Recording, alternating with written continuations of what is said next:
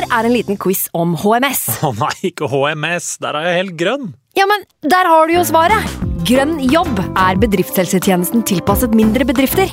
Våre HMS-eksperter hjelper mer enn 8000 bedrifter over hele Norge med alt fra lovpålagte HMS-krav til pålegg fra Arbeidstilsynet. Få på plass bedriftshelsetjeneste på grønnjobb.no.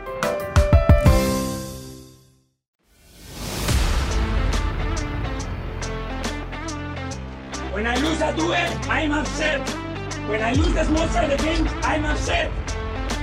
Because that's the fucking standard. Martin Odegaard into into the bottom corner. And Arsenal are dreaming.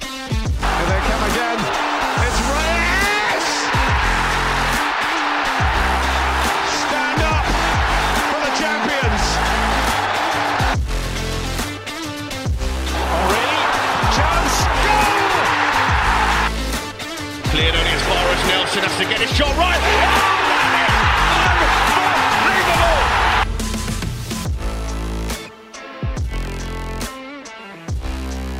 Etter en våt og kald eh, sein ettermiddag på St. James' Park, eh, en ettermiddag som både spillerne på banen og ikke minst eh, VAR fikk eh, både fyra og varma opp eh, ganske heftig, eh, så skal vi da sette oss ned i studio nå og prøve å ta et pust i bakken og, og prate oss gjennom denne, eh, den her 90-minutteren her. Det er så altfor mye å prate om, og eh, heldigvis så stiller vi mannsterk eh, i dag for første gang på ei god stund, føles det som. Så er alle mann alle til stede.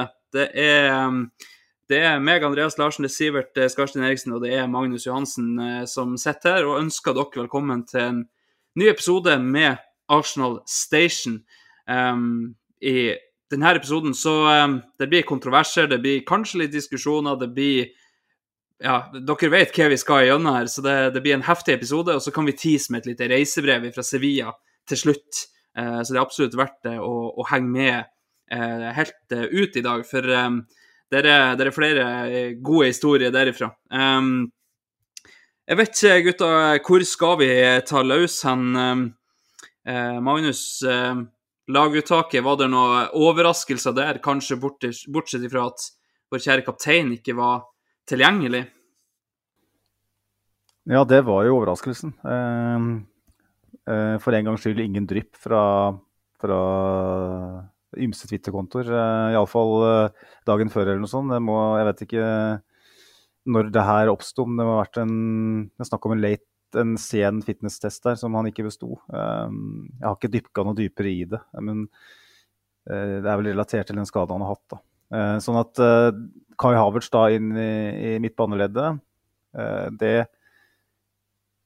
bekymra meg jo grann, selv om han var god mot Jeg syns han var god mot Westham i ligacupen, spesielt i første omgang. I andre omgang så forsvant jo han som alle andre ut. Men en positiv uke for Kai Havertz, sånn sett, som vi skal nærmere inn på etter hvert. Men at han starta Da tenker jeg liksom at uh, Da mangler vi spillfyreren vår på, på, på midten i, offensivt i, i Martin Ødegaard. Og så vi allerede, mangler vi allerede Party og, og Jesus. så jeg var redd for det evnen vår til å skape noe fra sentrale områder mot et Newcastle som kom til å stenge igjen. og ja, uh, Utover det så forventa jeg jo Tommy Tomiyasu skulle inn for uh, Zinchenko. Det viste vel egentlig Teta tydelig når han starta Zinchenko mot Westham i midtuka. Så ingen, ingen stor uh, overraskelse, og ingen overraskelse at det er Kai som kommer inn, for så vidt. Det er, det er ikke, det er ikke flust av alternativer når, når Declan Rice spiller venstre åtter. Da, da begynner man å Da går det på stumpene løs. Ja, det gjør jo det. Og når Ariteta da i tillegg sier at de ikke vet hvor lenge Martin Ødegaard er ute, og vi allerede har fått, uh, fått beskjed i midtuka om at Smith-Roe er ute en god stund, så gir jo det en ganske tynn benk òg, med egentlig da Vieira som eg, eneste alternativ da på, på midten, hvis man ikke vil dra Trossar bak dit. Jeg vet ikke, Sivert, hva du tenkte når du, når du så startelven vår? Var det sånn at du følte deg mer usikker eller, eller mer sikker på utfallet i, i går? Altså, det Alt lå til rette for en kontrollert Arsenal-utgave, med altså de forbeholdene som ble gjort med å ta inn Tomiyasu ved altså både Jorginho og Havertz. Så på en måte eh, Jeg visste at vi ikke kommer til å bli mm, feid av banen her. Altså, St. James' Park er jo en eh, stadion som altså, Et sted du helst ikke vil dra. eh, og viser du litt usikkerhet, så har du tapt før du har begynt. Uh, jeg hadde trua i går. Jeg, altså det, med, med den skadelista som er lang som en handleliste omtrent, så, så sa veldig mange av brikkene seg selv. Altså, de falt på plass uh, på egen hånd, nærmest. Um, alt i alt, uh, før kamp, så var jeg ganske rolig. Jeg var jo på julebord i går, da, så jeg på en måte var jo i lystig lag før vi skulle ut og spise fra klokka seks. Så på en måte jeg for, for det, Altså, første omgang så jeg liksom på på Viaplay på mobilen, liksom, så jeg var liksom ikke helt i kampmodus. Så, så jeg, dypt, jeg gikk ikke så inn i materien på, på lagoppstilling og sånn, men jeg erkjente at det var sånn det måtte, måtte være omtrent. Det, det, er, det er vel ingen vi savna for å snu på det, så veldig, veldig bra. Ja, med, med den lista vi hadde, så, så, er det jo ikke tvil om at vi vi uh, var nesten nøyd å stille opp på den måten vi gjorde, da. Uh, som du sier, Sivert. Det, det var sånn som det kunne forventes. Så uh, sparka vi da i gang. Det blir ganske kaotisk fra start av. Det er tydelig at det er to lag som skal ut og ta fighten. Det er, det er i hvert fall når Newcastle-spillere ser veldig høyt i toppen. Det kommer vi jo så klart inn på litt, litt etter hvert. Men, men, det går ikke veldig lang tid før Kai Havers ligger nede med, og fått en arm i, i bakhodet. Det får vi aldri se noen reprise av. Um, så er det flere sånne holdt på å si brytetak og, og, litt sånn forskjellig. Det var tydelig at det her ikke, det her ikke skulle bli en sånn finspillerkamp, i hvert fall. Um, Newcastle er, stor og sterk. Arsenal stilte med ganske tilsvarende styrke, i hvert fall i, i, i de to bakre leddene, om ikke det, det fremste. Så det var to lag som absolutt skulle utpå der og, og vinne fighten.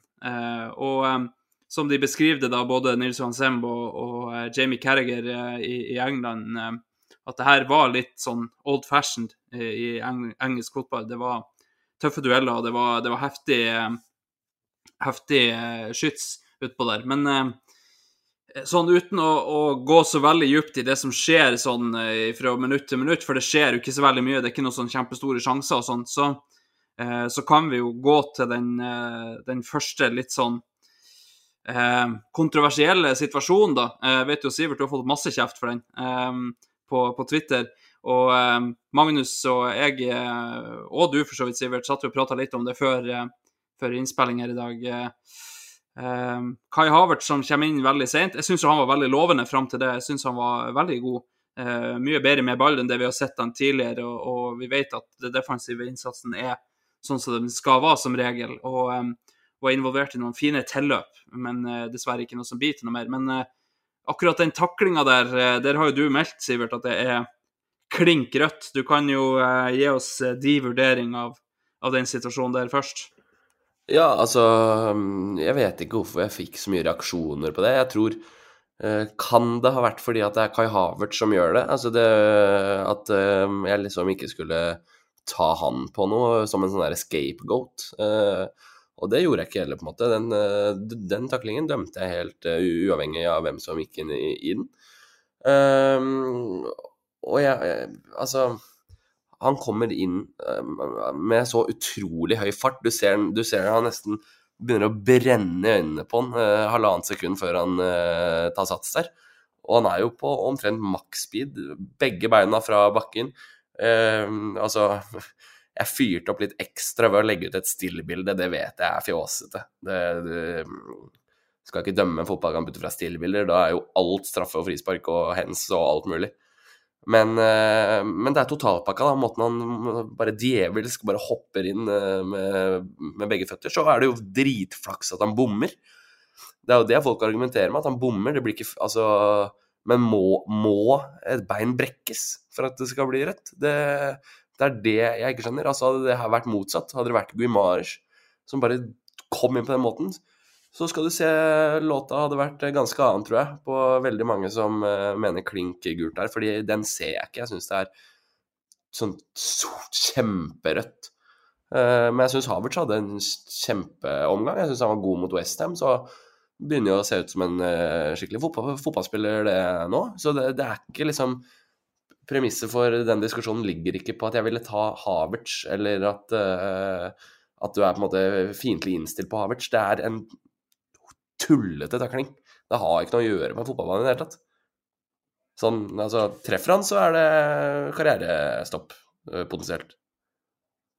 Ja, det er jo en heftig takling, og, og eh, det er jo de kriteriene som du legger til grunn der, da, Sivert, som gjør at de ikke velger å gi rødt. Um, VAR eh, har vel egentlig bare gått ut og sagt at de, de føler ikke at det var eh, såpass uh, altså violent intent at on-field decision skulle rett og slett gjøres om. Det var jo på en måte the theme of the night. on-field decision skulle som regel stå, og og det er Ja, vi, vi kan føle oss litt heldige, for som du sier, Sivert, hadde vært imot oss, så, så har vi garantert eh, vært hakket mer eh, fiendtlig stilt imot eh, utøvende part. Eh, så Magnus, jeg vet ikke hva du tenkte når du så det her. Var du som, som er ganske redd når VAR begynte å se på det der, for at vi skulle bli redusert til ti mann midt i første omgang? Det er lørdag kveld, og lørdagspizzaen er fordøyd. og man, man man, man, håper at man ikke skal måtte At den ikke, skal være retur i løpet av pausen allerede. Uh, jeg var livende redd for at det skulle bli rødt. Uh, jeg så selv når han gikk inn i taklinga at nei, hva faen er det du holder på med, liksom? Uh, hadde det vært motsatt. Og det, det, er den, det, er den, testen man alltid skal gjøre med seg selv når man har supporterbriller. Der man skal, tenke, man skal prøve å sette seg inn i i motpartens sko. For da forstår man i større grad eh, hvordan man ville tenkt selv. Og det der, som vel du sa, Andreas, før vi gikk på luft her eh, Hvis det her blir gitt eh, Hvis det røde kortet blir flekka av Atwell eh, i den situasjonen, så kommer ikke VAR til å, å, å overprøve det. Da er han ferdig.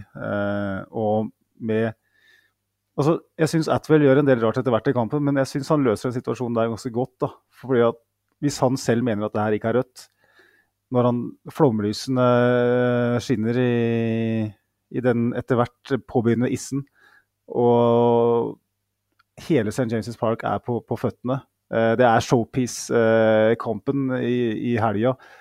Alle med svart-hvitt drakt og alle de som sokner til Saudi står og skriker etter rødt. Og han ser at Havers går inn med høy fart. Havers gir dommeren muligheten å vise den ut der. Men han velger faktisk å, å, å gi den gult, fordi han, han tolker det ut ifra sin, sin, opplevelse. Og i tillegg så gir han tre gule kort til Newcastle-spillere i protestene. Så vi skal ta en prat etter hvert, vil jeg tro, om eh, dømmingen. For det er en statement fra Arsenal i dag som er ganske interessant.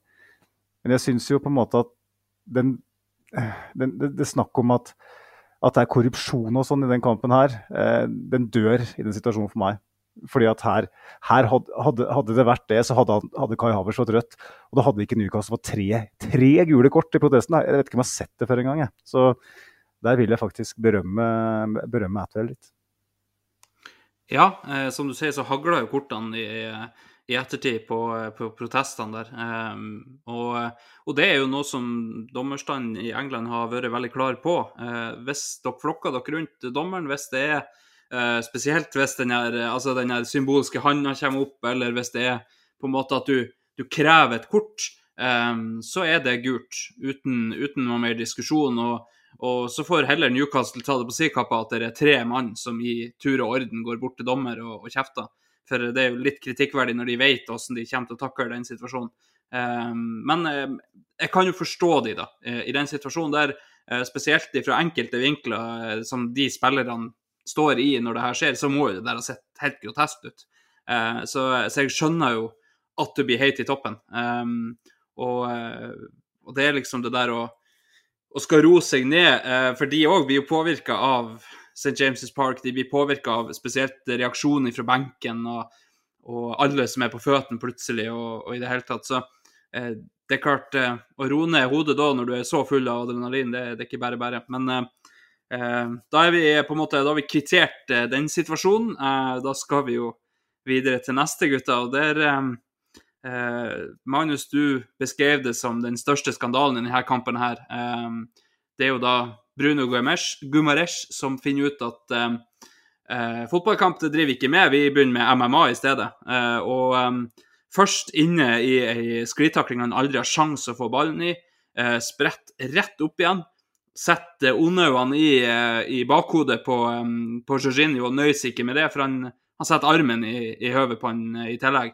Um, når du ser den fra den vinkelen som vi diskuterte før innspilling her, når, når du ser det her uh, Han setter fart imot setter over, eller Flytter kroppsvekta si over imot Jorginho, hiver ut armen. Og når VAR da sier i ettertid at grunnen til at han ikke får rødt, er for at for det første så bruker han ikke armen som et våpen. Og for det andre så bruker han ikke albuen, han bruker over- eller underarmen. Da er jo spørsmålet mitt eh, til deg først, Magnus. Eh, er det sånn at hvis jeg sparker noen i hodet med låret, så er det ikke rødt kort? Fordi at det er ikke kneet eller knottene, liksom. Eh, for meg så er det her veldig umelodisk. Så um, som, um, som poddens eldste og, um, og dermed viseste mann, så kan du jo ta oss litt gjennom dine tanker rundt denne situasjonen her. Tipper jeg har sett flest tenner flakse på dansegulvet også, på byen, i løpet av uh, mine år som uh, festløve. Så jeg har sett Jeg har aldri slåss selv. Jeg har veldig sterke meninger om poenget med akkurat det, men eh, det her er ikke en kontrollert handling. Jeg har sett folk prøve å, å slå ned andre med knyttneven og treffe med, med armen. det her er en voldshendelse.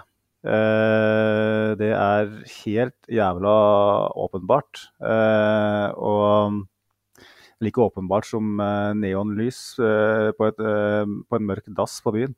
Det, det, det her er vold. Og Bruno Gimarez, der må det være en diagnose.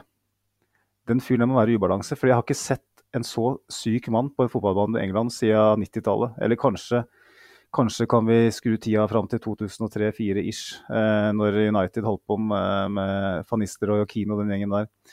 Eh, det er lenge siden i fall, jeg har sett en spiller være så i mental ubalanse på, på en fotballbane som det Bruno Gimarez var i går. Det, det nesten sjokkerte meg, altså. Jeg må bare si det. Eh, først den, eh, den underarmslaget. Eh, som Hadde det vært Arshavin eller Toreira, så hadde jo det vært albue. Eh, så det er, det er, jo ikke kontrollert uh, i det hele tatt, som sagt. Og det er, en, det er et knockout-forsøk. Og jeg klandrer Georginio lite grann. Nå skal vi etter hvert snakke litt om hvor mentalt kjølig var den kampen her, og jeg elsker akkurat det. Jeg syns vi gjør utrolig voksen eh, fremtreden sånn sett, men der skal Georginio ned. Og han skal gråte, han skal være så italiensk som han bare kan. Han skal leke død, og så skal kampen blir stoppa i to minutter, og så skal VAR sitte og se på den her fra mange vinkler. I stedet så får spillet flyte, og så får de 15 sekunder på å se på det. Og fra feil type vinkel da, så kan det tolkes annerledes. Men vi har sett det fra to-tre forskjellige vinkler som viser at det her det er, det er eh, glattcelle. Det er ingen eh, kveldsmat, julekort eller lengtende blikk på lang tid for, for, for uh, Bruno. Han, han skal ut. Og for meg så er det en skandale at, uh, at, det her ikke blir tatt. Det her er Jeg mener faktisk at her skal FA inn i ettertid og ta, ta han. For det, dette her er rett og slett et knockout-forsøk, altså. Uh, kall meg gjerne dramatisk, men det her dette, det skal ikke skje.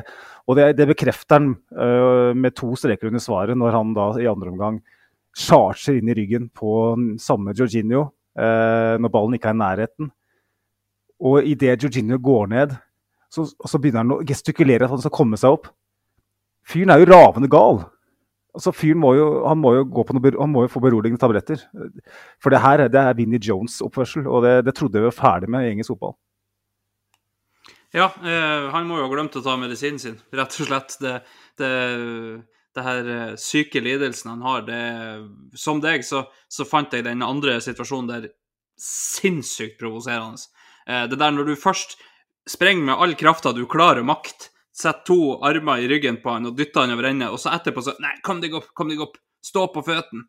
Det er liksom OK. Eh, og, og, den situasjonen med, med over- eller underarmen der, når han, han planta den i, i bakhodet på Jorginho der eh, Ja, hva man skal si? Det, Jeg vet ikke om det ligger noe nag der fordi at eh, Jorginho er halvt brasiliansk og har vært det italienske landslaget. Jeg vet da faen. Eh, men, men det her er jo Han er jo så sinnssyk i hodet at, det, Hadde han gått på byen her oppe, så han Hvis han ikke har blitt hengt opp på en, en, en fjøsvegg først, så har han i hvert fall fått seg en natt på glattcella. fått seg en liten tur i, hos Svartemaja og så rett ned på, på kammeret. For, for det der, det er Ja det, det er sånt som du kommer i avisen for dagen etterpå. Eh, blind vold på åpen gate. Eh, Sivert, eh, du, eh, du, hadde jo ikke sett situasjonen der før, før nå, eh, rett før innspilling, så du satte deg ned og så, eh, så det litt. Grann. Kanskje er noe som kan gi deg et litt annet perspektiv på det enn oss som så det i real time. Jeg vet ikke hva du sitter med for slags følelse etter å ha, ha leita litt på nett? Jeg har sett alt nå som er mulig å se. Uh, slukt alt. Uh, i sakte film i riktig tid, i ti sekunders sekvens før situasjonen etter situasjonen. Ja, altså det, nå har jeg et bra bilde av den, vil jeg si. Uh, kan starte med den som jeg har skjønt kommer sist, altså da han dytter Jorginho og bare skal gestikulere han opp. Det syns jeg er helt uh, greit. Uh, altså, jeg liker Jeg liker Altså, Ben White gjør det der, og vi sitter og elsker det, ikke sant.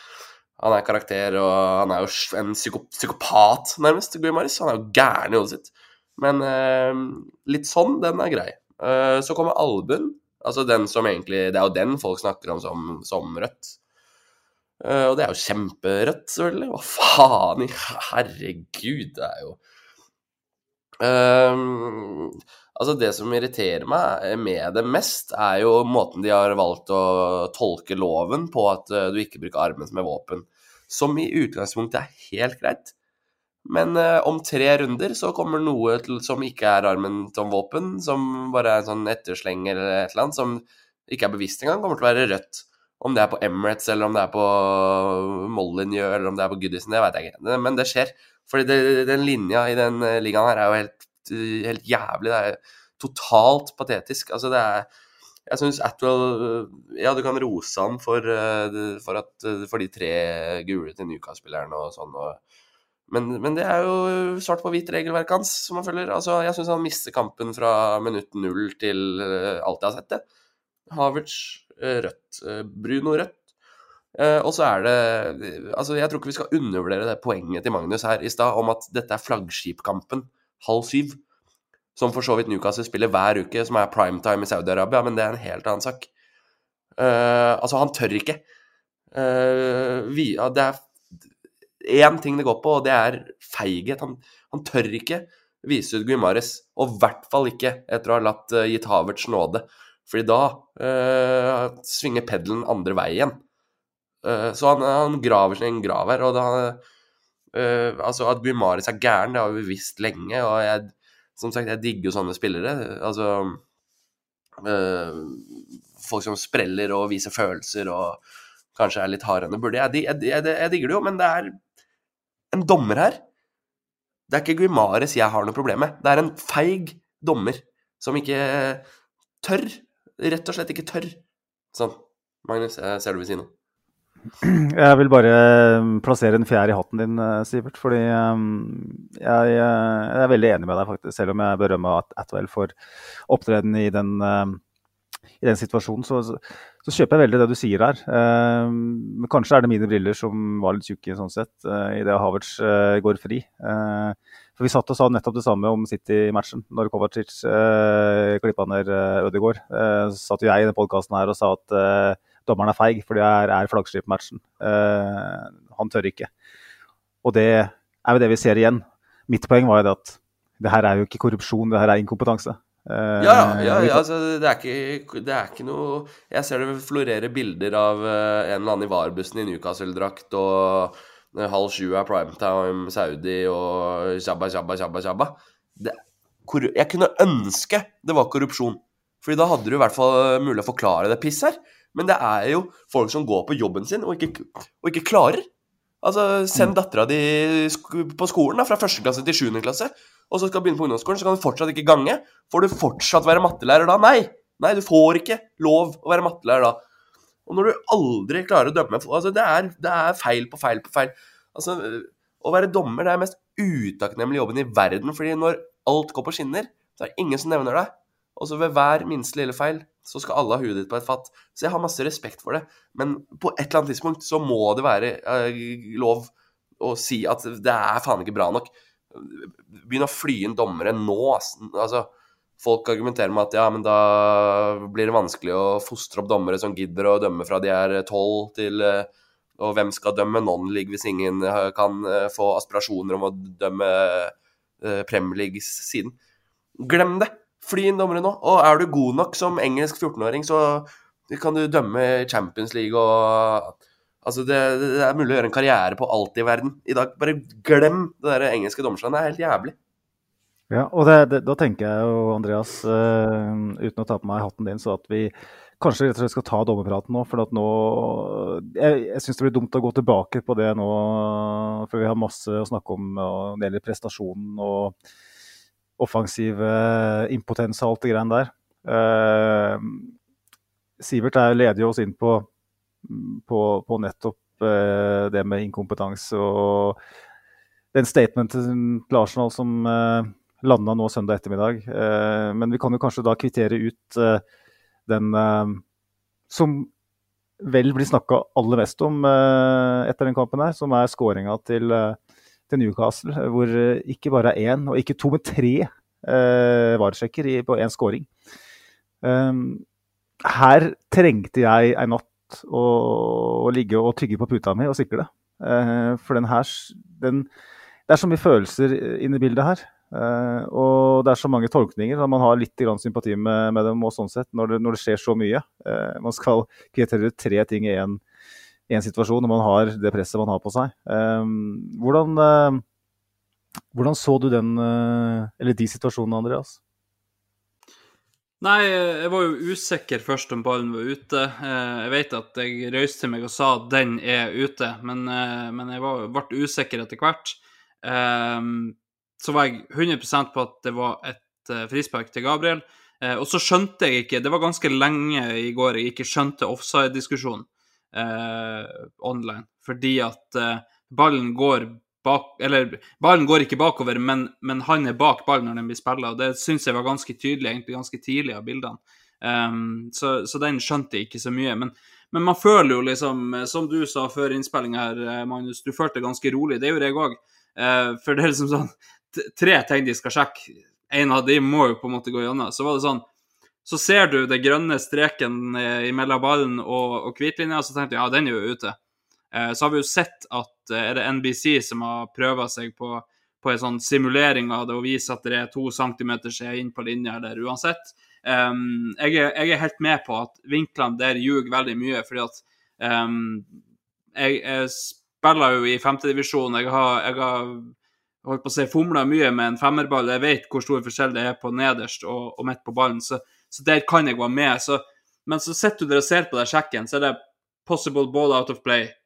Og så går de videre til possible foul. Og så sitter jo jeg i sofaen min her da oppe i Mo i Rana og, og, sier at ja, to strake armer, den ene er oppi nakken på han, liksom. Eh, han får ikke gå fritt opp i duellen der. Det er ikke, det er ikke tvil om at det der er At det der må jo tas, liksom. Og så kommer det opp possible offside på skjermen. Og da begynte jeg å bli nervøs, for da var det sånn eh, Hallo? Gå, gå, tilbake igjen. Det var noen bilder der som dere glemte å se på, antageligvis. Eh, og så kvitterer de den ut og så får målet stå. Men um, som deg så tror jeg jeg har hatt veldig godt av i natt først, Magnus. For uh, i dag har jeg uh, Jeg har nå pusla med forskjellig rart i huset, som jeg alltid gjør, men, men tankene mine har liksom gått mer og mer til det der at det er jo det her egentlig vi har etterlyst i VAR. vi har stått og kjefta på dem for at de leter med mikroskop og nesten teleskop for å finne en grunn til å til å annullere et mål. Og så har vi egentlig sagt at tvil skal gå det angripende lag til gode. Uh, og så er det det det gjør her. Og så er vi bare litt uheldige for at vi er noen av de første som er på én av det.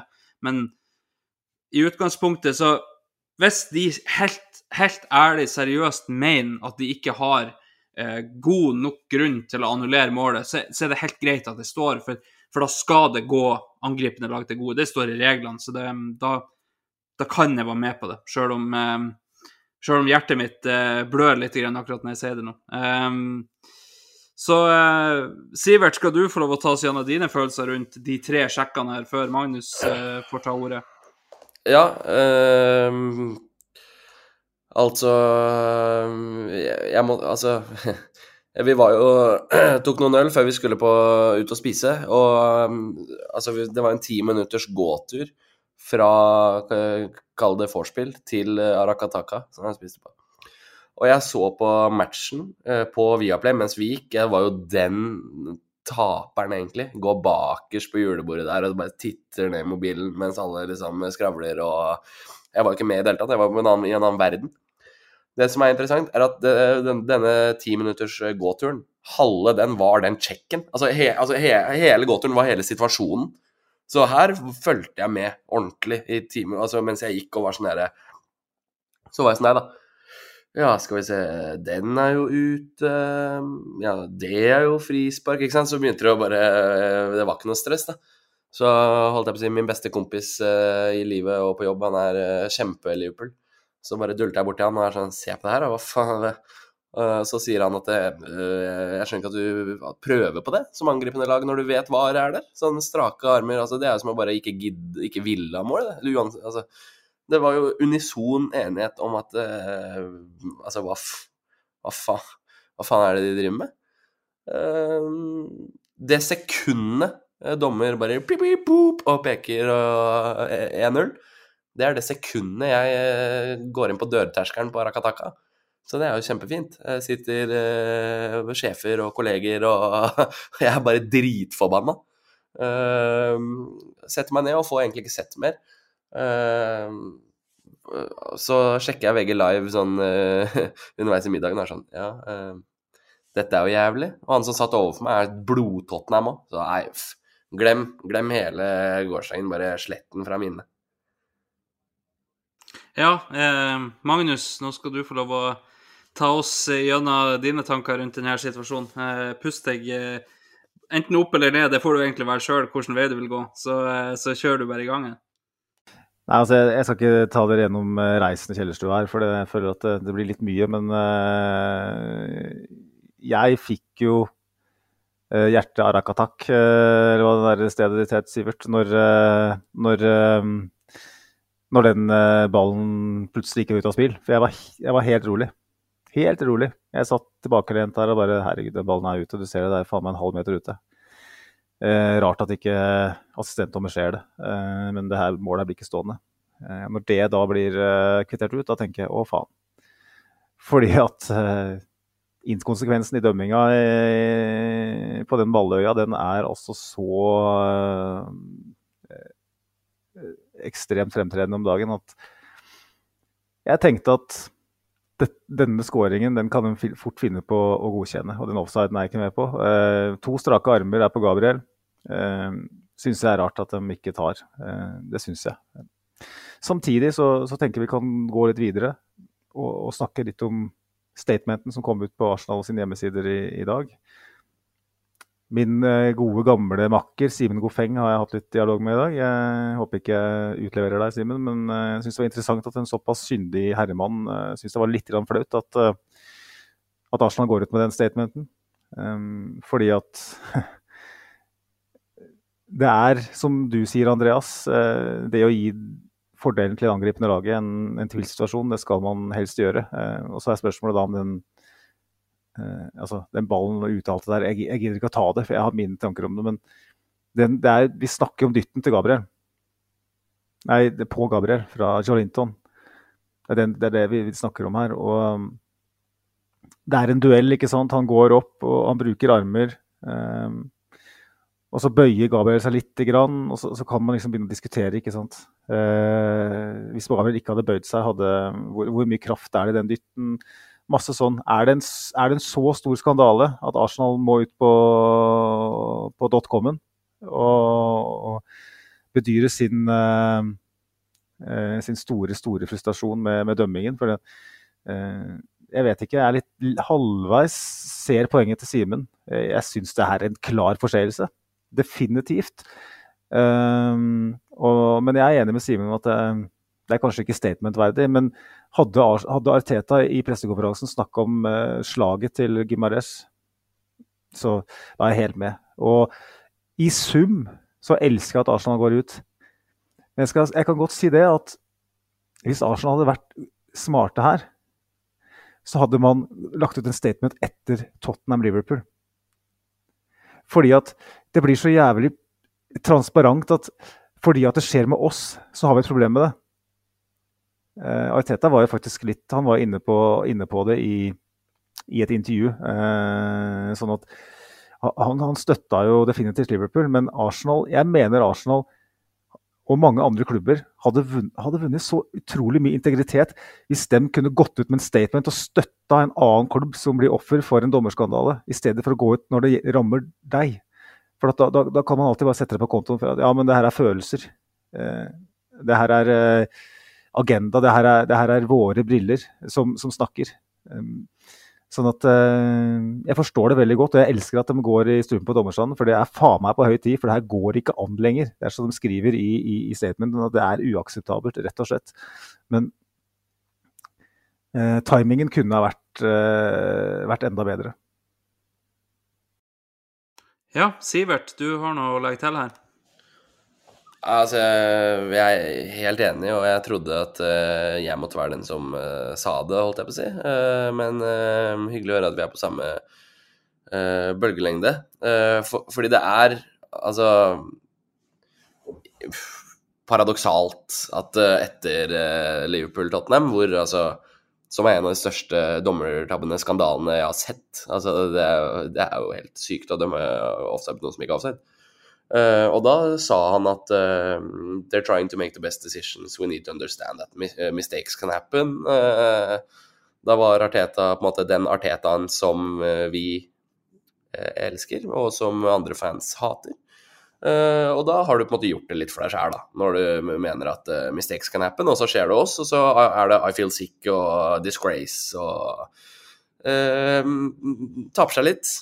Godeste, godeste senior. Men jeg skjønner jo hvor han kommer fra. altså Det er jo helt latterlig. Men jeg syns ikke at dytten i ryggen på Gabriel er den største dommerskandalen i den kampen her. Jeg syns det er to røde kort som er større. Summen av det blir helt jævlig. Summen av det blir helt grusom. Hva kan du gjøre, da? Det kommer jo ikke til å skje noe. Altså, det her er større enn Arsenal. Det er større enn Liverpool-Tottenham, og det er altså det er, det er større Altså, det er Det må røskes opp i fundamentet, som er hele pyramiden. Hele rekrutteringen av dommere gjøres på feil premisser. Gå inn på kartet og se hvor dommerne er fra. Det er ikke én London-dommer, London f.eks. Det er bare nordvestfolk. Uh, hva sier det oss? Kanskje ingenting. Burde ikke si oss noen ting. Poenget, altså, poenget er Vi har så mye mangfold og så mye nasjonaliteter og, og altså, så lite føringer på Eh, hvem du kan hente. Altså, vi henter spillere fra tredjedivisjonen i Brasil, og vi henter spillere fra fuckings all over, og så skal dommerne være sånne inkompetente sånn halv, man, man, sitter og lurer på om de har en beskjult skjult agenda, et bet på et favorittlag. Skal vi sitte og lure på det? Når altså, det er en fuckings milliardindustri. Det er, altså, det er jo helt latterlig. Vi legger 105 millioner pund uh, på bordet i sommer for å løfte oss, løfte oss til neste steget om å vinne Premier League. Og så skal avgjørelsene bli tatt av noen som ikke klarer å ta avgjørelsene. Det er dritirriterende. Ja, og det som på en måte er det største problemet med alt det her, det er at VAR kom inn for hva er det, fem sesonger siden nå. Eh, og vi sitter fortsatt med det som det største fokuset etter altfor mange kamper. Eh, og eh, vi ble fortalt at å flytte to av dommerne ut på en annen plass. De skal ikke sitte på stadion, det skal hjelpe. Det gjør det ikke. Det er fortsatt en, en overhengende eh, helning mot hjemmelag. Eh, og, og, det er fortsatt altfor mange feil, fordi at altfor mye av det er fortsatt skjønn. Og skjønn forandrer seg ikke om du står på stadion eller om du sitter i en buss. Og i hvert fall ikke når, når den gjengen som skal bestemme det her, er en gjeng betente rævhøl som er henta på gata en eller annen plass på et tyrkisk marked, som jeg skrev til dere i går, uh, for special price for you, my friend. Uh, for det her er jo ikke toppdommere lenger. Hvor mange av de engelske dommerne dømmer Champions League? Det er eh, ingen Før så var det faktisk ganske mange av de som var aktuelle for de store kampene i Champions League. Eh, og så er det jo sånn at det så klart det er forskjellige organisasjoner og alt det der, men, men vi sitter fortsatt, etter fem år La oss si fem år, nå husker jeg ikke når VAR kom inn, men, men vi sitter etter x antall år nå fortsatt med VAR som fokuset etter altfor mange kamper. Um, og jeg, jeg, tror at, at fotballen har blitt hakket mer rettferdig med VAR på de små tingene, men så er det fortsatt de store tingene. Og de store tingene er så mye vanskeligere å akseptere når det sitter to stykker i en buss pluss den på banen, og så blir det allikevel feil. Eh, det var så mye enklere å akseptere at ja, men det er én mann utpå der. Eh, jeg skrev det til dere i går at det, det er nesten litt synd at vi savna den tida der Mike Dean var den eneste klovnen i, i dommerteamet fordi at han var den eneste som skulle bestemme ting. Eh, nå sitter to klovner til i, i varebussen, og så skal de ha et, et manesjeshow i lag. Det Altså, flere kokker, mer søl, og det jeg, jeg, tror ikke at VAR er det største problemet. Det er bruken av VAR, det er folket som bruker det. Uh, de får det til i andre, andre liga. Uh, Sivert, du har noe å fylle på med her? Ja, så jeg tenkte bare at vi, vi må jo på en måte legge ned som et uh, premiss og noe gjøre helt klart at alle her er jo enige om at det er ikke VAR som er problemet. Altså den der var ikke var-diskusjonen, den kan Eliteserien holde seg til. på en måte. Det, det, vi, sitter ikke etter så mange år og, og, og, fortsatt er der. Altså, det er jo idiotene som sitter der, som, som akkurat du sier, som er superrar. Altså, VAR er dritnice, selv om, de, selv om ikke alle uh, Kall det situasjonene uh, blir på en måte dømt rett, så har VAR en sånn preventiv effekt av at du skal ikke tørre å slå ned Jorginho, for du veit hva er der. Du skal ikke prøve å filme til straffe, for du veit hva er der. Og det har jo fungert. Det er jo det, det, det preventive der er superbra med VAR. Og det er da jeg ikke skjønner, Magnus, at når det skjer Når f.eks. du så jo hender i ansiktet og albuer mye oftere før, så kom VAR, og så turte ikke folk å gjøre det. Hvorfor tør du ikke da å slå ned på det når det først kommer i, i en kampsituasjon? Det er det jeg ikke forstår. Nei, altså det handler vel om eh, at det koker noe voldsomt i det studioet der. Eh, vi, vi, så jo Eller vi hørte jo eh, dialogen fra en del nøkkelsituasjoner nå ganske nylig i det der nye Sky Sports-programmet. Hvor, hvor, det publiseres dialogen mellom dommer og VAR-dommer i en del kontroversielle situasjoner. Bl.a. den Liverpool-matchen Liverpool mot Tottenham. Så det er, det er inkompetanse. Det er, det er ikke noe annet. Jeg, jeg, tror ikke vi skal dra denne VAR-praten noe lenger. Uh, var eller ikke var. Det blir, det blir klokka mye. Uh, jeg bare tenker jeg kan, jeg kan for så vidt si det at vi kan legge den derre uh, korrupsjonsballen litt død. I, i, der er vi samstemte. Men jeg må bare, må bare si det at, at den interessekonflikten som eksisterer med at det er arbeidsgiveren til dommerne eh, som faktisk eier Newcastle. Fordi at de dommerne her er til stadighet nede i Midtøsten og, og dømmer fotballkamper. Og da er det blant andre eierne til Newcastle som er med å betale lønna deres. Så har du, som Sivert påpekte, eh, en voldsom eh, opphoping av Newcastle-matcher klokka halv sju på lørdag. Seks av tolv runder så spiller Newcastle halv sju på lørdag. Uh, saudisk primetime. Det, det, kan ikke være tilfeldig, det nekter jeg å tro. Sånn at uh, sånn, jeg, tror, jeg, tror, ikke ja, nei, bare tenker at korrup, korrupsjon uh, Nei, men de åpner jo for at vi tenker det. De, de, kan jo ikke få lov til å holde på med den interessekonflikten der. Det blir bare for dumt. Nei, Jeg bare leste, jeg syns det var så rart det med at Newcastle alltid spiller halv sju, når jeg så det begynte å bli nevnt rundt på Twitter. Og jeg fant ut at uh, altså, det re, altså, det er jo, regler på det. At uh, du, du, skal ikke spille mer enn seks ganger halv sju i løpet av en sesong. For det, det, altså, det kalles uh, et eller annet bulk A eller et eller annet. Det var liksom det, det gjeveste eller et eller annet, da. Fordi da vises du på TV og sånne ting. Ikke mer enn seks ganger, i hvert fall. Det sto svart på hvitt. Nå i januar så får Newcastle sin syvende kamp. altså vi trenger ikke late som at det her er tilfeldig. Eh, jeg skjønner det ikke. Eh, så, så, det er akkurat det, da. De åpner for det. De åpner for um, Altså bare, bare det å gjøre kampene store der nede. Tenk hvor mye penger eh, som er i spill. Bare sånn bettingbransjen og det, Altså, du, man åpner for så mange konspirasjonsteorier, da. Eh, Så, og, og hver gang det da kommer en situasjon hvor du ikke tør å gi rødt, hvor du vurderer on-field decision som riktig, hvor ballen ikke er ute, så, så, så tenker du tanken. Og det irriterer Det, det ødelegger moroa så jævlig for meg. Eh, Det er hele premisset å se fotball på, som er at det skal være riktig og lettbeint, og det blir det ikke. Så ja, jeg beklager til de som skrudde på Arsenal Station Pod og så hører på VAR-pod. Eh, fordi folk er jo drittlei av å høre om det, men eh, du, du kommer ikke utenom å ikke snakke mye om det, da. eh, Etter en sånn match som det her. Nei, og inhabilitet har vi jo etter hvert vært veldig vant til i Norge. Det er, en diskusjon på sida av seg sjøl, holdt på å si, men, men vi Som du sier, Sivert, vi kommer ikke utenom det, spesielt ikke etter sånne kamper som det her. Eh, Newcastle spiller jo som eh, så klart da eh, 18.30 neste lørdag òg mot Bournemouth. Det er jo eh, Det begynner jo å bli en fadese i seg sjøl, men eh, hvis vi da stepper litt ut ifra det her med, med dommeravgjørelsen rundt målet i det hele tatt eh, Denne kjepphesten har jo jeg kommet med til dere noen ganger eh, allerede i chatten vår. Eh, Raja på innlegg. Eh, for Raja på innlegg står som regel på første stolpe. Eh, han er ikke lang nok til å nå de fleste innleggene som da går over han. Eh, og, og da er det for meg en gåte hvorfor han altså Det er jo det er helt tydelig at det er en preferanse, fordi at han liker å være mer aggressiv, han skal plukke innlegg, bla, bla, bla. Alt det der. Men, men nå er vi straffa for det to ganger, da, i, på tre runder.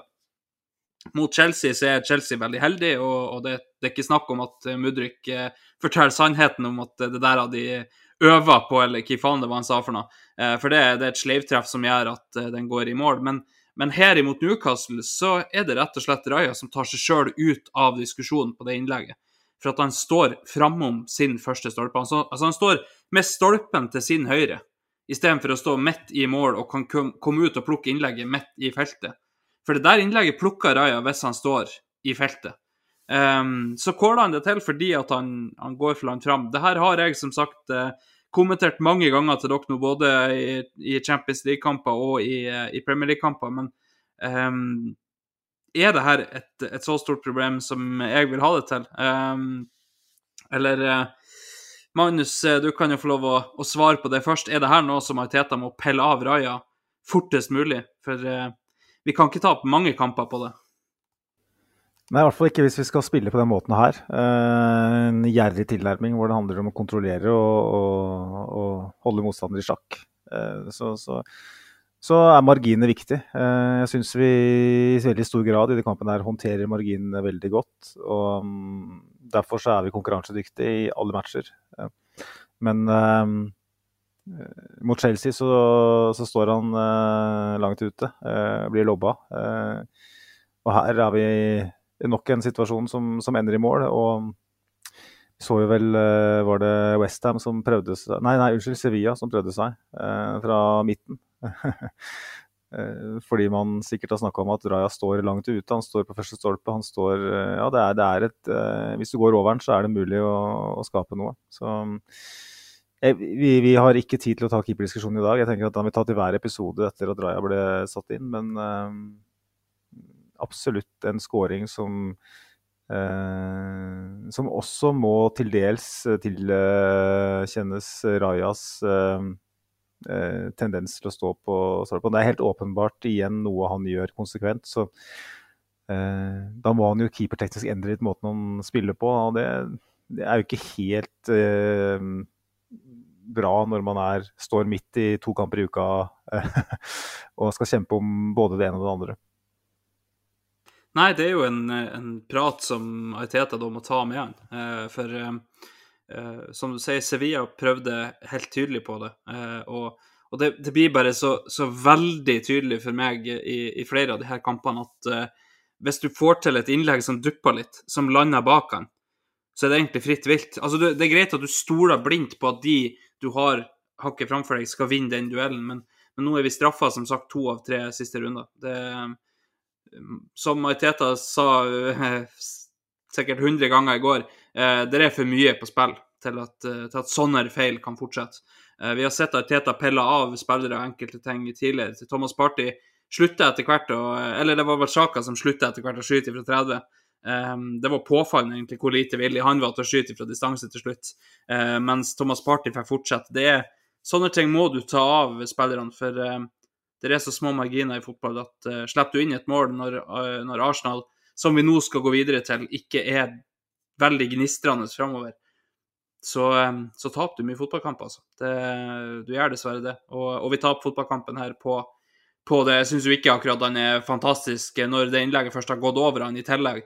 Eh, når han da prøver å kaste seg inn i duellen mellom Gabriel og, og Joe Linton der, eh, istedenfor å prøve å markere den, eh, den siste mannen som kan skåre.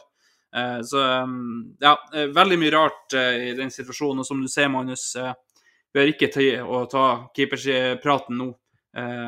Sjøl om i, i midtuka fikk vi vel et eksempel på at to keepere som konkurrerer, er det eufori. For Aaron Ramsdale så rett og slett ødelagt ut mot eh, Westham. Men gutta, vi går videre til, eh, til, det vi skal se litt nærmere på. Eh, status quo etter nesten en tredjedel av sesongen er at vi for så vidt har en, en, grei målforskjell i forhold til de rundt oss. Vi, vi har en OK poengfangst, absolutt. men vi, vi, har, i, med unntak av forrige kamp, da, med, med, med fem skåra mål, så, så har vi til gode å se et Arsenal som sprudler. Eh, Magnus, har du noe å fylle på med først her? Ja, altså, den hatten din den tar jeg på meg igjen. Jeg må bare, jeg, må bare, jeg syns ikke vi er helt ferdig med, med, kampen, for vi har nesten ikke snakka om Arsenals prestasjon eh, i matchen her. Eh, og det, det syns jeg vi må før vi begynner å snakke om eh, sesongen. Eh, jeg har par punkter på blokka her. Et par enkeltspillere jeg har lyst til å ta tak i. Spesielt en uh, høy mann ved navn eh, Kai, som uh, visstnok har vokst uh, 10 cm på to år, ifølge noen på Twitter. Uh, men han Jeg syns det er viktig å berømme Arsenal her. For den kampen her. sånn ikke, ikke offensivt, men for måten vi angriper det på. Og for meg det aller viktigste måten vi er uh, følelsesmessig usynlige, eller emotionally invisible, med unntak av Kai Havertz, uh, som Wenger ville sagt det, uh, og som var hans store mantra på, for 20-25 år siden. Fordi at her var det et Newcastle-lag som var veldig interessert på å fyre opp Arsenal. Og bruke St. James' Park, flomlysende anledningen til å gjøre det her til en knokkelkamp, og en kamp hvor vi, vi bukker under for et, en Anfield Light. Eh, og allerede tidlig, ved hver faste situasjon, så bruker Arsenal evigheter med tid på å ta et innkast, på å ta cornere. Eh, vi ligger nede og vrir oss. Kai Havertz prøvde å legge ned litt for lenge, selv om eh, spillet fløt. eh, og det er helt åpenbart at jeg prøver å ta stinget ut. Og det digger jeg, for det klarte vi faktisk. Helt til Kai Havertz flyr inn, så klarte vi å ta stinget ut. Og uh, jeg, skal ikke ta, jeg, jeg, jeg, er ikke her for å ta Kai Havertz, så jeg, er ekstremt Havertz-fan etter den kampen her. Men uh, jeg må bare si det at eksemplifisert av uh, Williams, kong William Saliba, som jeg begynte å kalle han nå, han godeste Callum Wilson, en av formspissene i Premier League. Uh, det er et frispark midt på banen der, ballen er ute av spill. Han planter to strake armer i brystkassa på overmakten og prøver å få William Saliba, unge, 22 år gamle William Saliba, purunge, urutinerte fyren som skal bukke under for, for presset. William Saliba rygger litt med et par skritt bakover, jogger tilbake til posisjonen, gir ikke så mye som en mine til Callum Wilson. Og Callum Wilson etter det gjør ingenting i den kampen her. For han er så dypt ned i den shortslomma til William Saliva, så det er kun Erling Haaland som ligger på samme dybde. Og det er så deilig å se på. Eh, og det med en gjennomsnittsalder på 25 år ish. Et ungt lag reiser til en sånn stadion med en sånn anledning. Å være så kontrollerte mens Newcastle-spillerne flokker rundt dommeren og er helt eh, Det fråtser ut av kjeften på dem. Det fråder. Det, det, er helt ute av kontroll. Eh, og Arsenal bare fortsetter å gjøre sitt. Eh, fortsetter å, å, ha baller av stål og la, bruker tid eh, og, på, på, alle situasjoner og tar stinget ut. og det er, det, er, det er, fantastisk å se på. Og det gir oss en mulighet å vinne på St. James' Park. At vi ikke gjør det, det er, det, er, en ting jeg har lyst til å prate om mer, som kanskje dere kan uh, skyte inn. Men jeg syns det er så godt å se en så voksen uh, prestasjon uh, av et så ungt lag. For det her Den heksegryta der, den, den, er tung å gå inn på en lørdagskveld. Altså, det er kjempetungt. Og når, når på en måte 22-åringen eh, leder an på den måten Jeg syns det, det, det, er nesten rørende. Og da, da er jo spørsmålet, da, Andreas og Sivert, om når vi først da har eh, klart å ha den mentale innstillingen som er korrekt, gitt oss selv muligheten, hva er det som gjør at vi ikke på noen av tilløpene vi har, eh, for det er ganske mange av, klarer å ta vare på, på muligheten? Tenker Sivert kan få svar. Hva er det som gjør at vi ikke klarer å eh, Når vi først da spiller oss høyt til banen, eh, vi er tre-fire mann, eh, rettvendt, og så fisler det ut ingenting. Hva, hva er det som skjer? Ja, det er uh, merkelig. Og først må jeg bare si det at det er veldig bra at uh, For jeg syns vi var bedre i, går enn veldig mange prestasjoner vi har fått bedre utdeling på i løpet av sesongen. sånn sett var Newcastle borte et steg i riktig retning, sånn. Hvis du skal være en Altså se på spillet, da. Fordi det er jo det vi alle venter på. Vi venter på at det skal klikke. Og hvorfor gjør det ikke? Det er Altså det er mange som argumenterer for at uh, fram til vi har løst uh, Altså fått inn en spiss, rett og slett, så altså så um, altså, vi må løse en spissknute som uh, ikke er løst, og fram til det så er det nesten ikke vits å prate om noe um, offensiv klikk. Det er mange som uh, spekulerer i det, men, men, men, jeg forstår det ikke, fordi det er så gode ballspillere. Altså, Saka Martinelli er jo utrolig god på, på måte, å resirkulere angrep. Uh, sånn, Grealish er jo best i ligaen på det. Uh, og kanskje istedenfor å gjøre noe overilt, bare rulle den tilbake, starte på nytt. Og vi, Jeg syns vi i stor grad gjør det. Jeg syns vi har god kontroll. Og jeg skjønner ikke hvorfor vi ikke finner åpningene. Uh, altså, ja, jeg så Liverpool-Luton, og som Luton som lå i en sånn kompakt 5-4-1. Og, og, altså, Nunes bommer på åpent mål.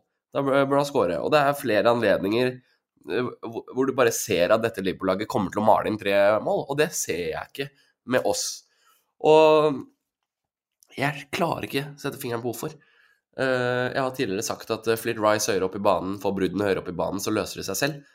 På sett og vis så stemmer det litt. Han har gjort en god figur på figur som venstreåtter. Men jeg har ikke lyst til å bare si 'Å, det er en Ketty, han er ikke god nok'. Det, det er altfor enkelt. Det er så simplifisert, det det er jeg, jeg, jeg, har rett Altså På en litt sånn fyllesyk søndag så har jeg rett og slett, rett og slett ikke svaret, Magnus. jeg skjønner, men, men, en ting at en ting vi bare må erkjenne, er at uh, Altså, det er jo sant. Altså, uh, positive tunger skal til at uh, ja, men dette går bra, dette løser seg selv. nå er vi jo en tredjedel inn i sesongen, det har ikke løst seg selv. Det ser jo ikke bra ut offensivt. Merkelig. Hva tenker du, Andreas? Nei, bare, bare, jeg kan bare, uh, Før Andreas jeg eh, slipper til Andreas, så tenker jeg vi må ta med et par lytterinnspill. Eh, for det, vi har fått ekstremt mange. Type 40-50. Eh, og det er ærbødigst. Tusen takk. Eh, Lars Ramstad på, på, Twitter skriver beklager, men Eddie er ikke spissen som skyter Arsenal til gull. Tilbyr ingenting i slike kamper og mot topplagene. Og så har vi Knut Erik uh, Bjørklund, også på Twitter, skriver han er mer interessert i de to uh, flankespillerne, uh, stjernespillerne. Martinelli og Saka er mye av grunnen til at vi ikke skaper noe i dag. Midtbanen spiller de opp i gode posisjoner, men det tråkkes opp ball og sentres bakover. Andreas, jeg er veldig enig med Knut Erik. Jeg klarer ikke å si at Edin Ketia skal være en årsak her i dag. hvordan vurderer du prestasjonen til Saka og Martinelli? Ja, altså, for det første, så eh, For å bare kommentere det du starta det her med, Magnus, så, så syns jeg det er veldig eh, Ariteta har jo drevet med en slags løvetemming eh, med tanke på den emosjonelle virkeligheten vi levde i for eh, et par sesonger siden. Eh, vi hadde rekorder på rekorder på antall røde kort og, så videre, og gule kort. Eh, I går så fikk Newcastle fem, og vi fikk ett. Det sier ganske mye. Um, for å gå videre til det da, som er um, innspillet fra Knut Erik da, på Nketia, så, så er jeg jo enig i at Nketia er ikke eh, skyld i det som skjer i går. At vi ikke forteller ting. Vi, han får ingenting av service uh, ut av det som, eh, som han trenger for å skåre mål. Og så, så er jo diskusjonen da er det Kunne vi klart oss bedre med en annen type spiss i går? Kanskje, eller mest sannsynlig. men når vi først har Edin Nketia, som tross alt er en, en veldig veldig bra målskårer eh, på banen, så må vi kunne gi han litt mer service enn det vi, vi gir han i går. For i går får han ingenting. Um, resten av jobben sin gjør han egentlig ganske bra i går. Uh, er med i fighten, er med på noen fine kombinasjoner i begynnelsen, spesielt da i midtveis i andre, nei, første omgang der vi får et grep på kampen, så syns jeg han er en viktig del av det framover. Men um, Saka og Martinelli i går uh, Jeg så jo eh, Clive Palmer fra Arsenal Vision, eh, som kommenterte det på, på, Twitter i går at, eh, at han spår en Saka-skade fordi at på slutten av kampen i går så klarte han nesten ikke å bevege seg i det hele tatt. Da var han veldig stillestående, og, og det han gjorde, var veldig stakkato. Um, det er jo et Altså, det er kjempeskummelt. Eh, hvis godeste Clive har rett i det, at, at Saka brygger på en skade, eller kanskje allerede har en skade og må spille seg gjennom det, så er det det kan være døden for hele sesongen. Eh, Martinelli i går eh, Vi har jo sett tilløp til venstresida vår, men venstresida vår sånn generelt er veldig dysfunks dysfunksjonell. Og um, jeg syns ikke vi får på en måte det vi skal ut av, um, av Martinelli heller i går. Um, så det, det, er et vanskelig spørsmål, og det, det er nok mange flere deler til det svaret enn det jeg har klart å komme på her nå. Men, men um, det er jo ikke tvil om at med Jesus ute, så må vi fyre i gang Saka og Martinelli. Uh, Eddie kan godt være en, en, en, avslutter, absolutt. Men uh, faktum er at nå har han 19 bortekamper uten mål. Uh, det er en hel sesong. Og, og, det da, da, må vi få målene våre fra andre plasser. Og akkurat nå så ser ikke Saka ut til å være i nærheten av sitt nivå. Dan Burn skal ikke ha muligheten til å holde han stille i, i første omgang. Og um, Kieran Trippier er en fantastisk høyreback. Uh, når han flytta over til venstrebacken i andre omgang, uh, så, så begrenser det litt det Saka kan gjøre, for han er veldig veldig bra én uh, mot én, Trippier. Men jeg syns ikke noen gang vi gir de de Vi stiller de ikke de spørsmålene vi skal da, i, i andre omgang. Um, så klart, etter 1-0 så er det veldig lett for Newcastle. Det er bare å sette elleve mann bak ball, og da er det veldig vanskelig. Men ja, um, det er et godt spørsmål eh, hvorfor vi ikke har fått i gang Martinelli og Saka.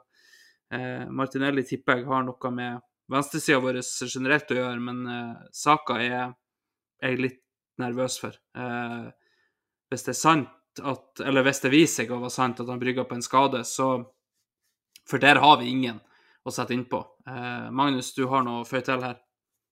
Ja, nei, jeg har jo mange tanker om det her, jeg. Og... Hvem skulle trodd? Nei, ikke sant. Når jeg ikke er med, så snakker dere en time. Når jeg er med, så er det 1 time og 40. Så det er åpenbart hvor skoen trykker. Um, Morten Flaten uh, på Twitter uh, skriver at vi er bekymringsverdig at vi har 11 cornere uh, og flere frispark uten å være i nærheten av å skape noen ting. Og, og, bare, og, er det bare meg, eller er Saka altfor stasjonær? En avslutning på mål i løpet av 98 minutter beskriver hvor problemet ligger. Hvorfor lugger det så til de grader offensivt. Og jeg syns jo det med dødball er et interessant innspill, fordi vi, vi, vi eh, snakker om at Arsenal har, er det beste laget på dødball i Premier League, men så er vi jo definitivt det laget som har flest dødballer i Premier League. Eh, sånn at jeg tror ikke vi nødvendigvis er best, det er bare at vi har jævla mange dødballer. Jeg så noen tall på det i dag, men jeg har det ikke foran meg. Men vi er, ganske, vi er et godt stykke foran nestemann på lista når det gjelder antall cornere. Og City er da nummer to. og at vi scorer på corner når vi har 15 cornere per match, er ikke det så jævla rart. Så tross alt sine forsøk som blir stoppa på første stolpe gang på gang, det er jo Igjen, en sånn type match, så, så er vi avhengig av å, å, å, bruke de faste situasjonene. Vi har én avslutning på mål. Eh, Ja, og vi har på 90. elleve cornere i går. Ikke sant? Eh, si, og den avslutningen kom ikke på en corner, det kom på en Martinelli-avslutning i første omgang, hvor han for en gangs skyld drar seg inn og bruker høyrefoten. Og jeg skrek til TV-en at sett den lavt, ikke sett den i keeperhøyde. Eh, Men det er klart, eh, det er vanskelig da, når du, når du har så få sjanser, så, så blir det veldig synlig når du, når du har en svak avslutning. Eh, Det skal ikke være nødvendig at vi skal huske den situasjonen så godt. Og jeg må bare si det at angrepet vårt er disconnecta. Det er ikke relasjoner offensivt. Folk snakker om at Newcastle uh, gjør det vanskelig for oss og gjør en masterclass defensivt. og Det er jo for så vidt sant, men i første omgang spesielt så, så, så har vi mange tilløp. Jeg vil berømme spesielt Kai Havertz for å ta imot ball, vende opp, uh, spille gjennom ledd, uh, sette opp Saka mange ganger. Når Saka kan velge å være Arid Robben, så velger han heller å være Han slår den i støtte, han slår den på side. Han, at han er skada, det tviler jeg ikke på. Eh, for dette her, er, dette her er en av de svakeste kampene jeg har sett Bukayo Saka spille. Eh, og Martinelli, som du sier eh, Jeg vet ikke. Han, det, er vanskelig uten spillpunktene. Jeg så flere ganger spesielt en jeg husker godt, hvor det er vel Declan Rice som, som en av mange ganger igjen eh, rosebukett til utrolig Declan Rice. For en sjuk match. Vinner ball, tar med seg gjennom eh, et ledd. Martinelli bare fortsetter å ligge ut mot krittet. Det er plass mellom bekk og stopper hos Newcastle. Hvorfor går han ikke inn? Hvorfor vinkler han ikke løpet sitt, sånn at Declan Rice kan slå den mellom? Han bare fortsetter å ligge ute på sida. Og det skjer med Saka òg. Hvorfor er det ingen som tar de løpene inn mot 16-meteren der, i stedet for å fortsette å bare ligge og vente på og, motta den, og så slå den i støtte? Det er så åpenbart mangel på, på relasjoner her. Jeg er ikke med i det hele tatt på de som sier at uh, at Arsenal ikke har muligheten til å, å straffe Newcastle her. At vi har på en måte valgt en gjerrig tilnærming og, og valgt å spille 0-0. Eh, Nei. Vi har mange gode tilløp i denne matchen her. Og det er bare det at det kladder så sjukt. Det er så lite tempo. Er, vi har ikke Jesus. Du har ikke den punchballen. ikke? Når du har, når du har Jesus, så kan du punche den inn på han sentralt. Komme nærmere hverandre. Du har spillere som er i nærheten av hverandre, som kan kombinere. Men det er jo et hav av rom mellom Nketia og Saka. Det er et hav av rom mellom Martinelli og Nketia. Hvordan skal du klare å kombinere deg gjennom da? Det, det er umulig. Da blir det en støttepasning. Eller det blir en Martinelli som går ned til krittet og slår inn eh, uten adresse. For at løpene inn i boks er ikke der heller. Eh, og akkurat den kampen her så frikjenner jeg Nketia for jeg syns han gjør mye. Eh, spesielt i første omgang. Han, han er nede og, dypt og henter. Han tar imot feilvendt. Han jobber som faen.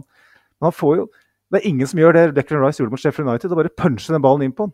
Det er ingen som tar den der tidlige avgjørelsen og bare banker den inn på han. da. Ta litt risiko. Ta litt ansvar. Vær så snill. Det er ingen som tar ansvar. Alle bare står og slår bakover og på, og på tvers. Jeg er dritlei det, faktisk.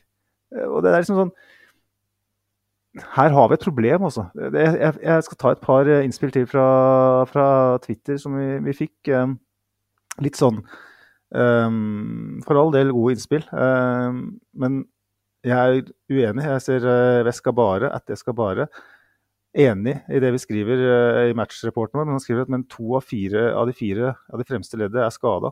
Er det vanskelig å spille samme type ball? Mangler våre beste to sjanseskapere. Og det, det er helt riktig, det. Men at vi, at vi skal liksom sitte og snakke om at vi mangler to eh, spillere, så skal vi ikke klare å skape noe når vi kommer rettvendt fire mann mot Newcastle.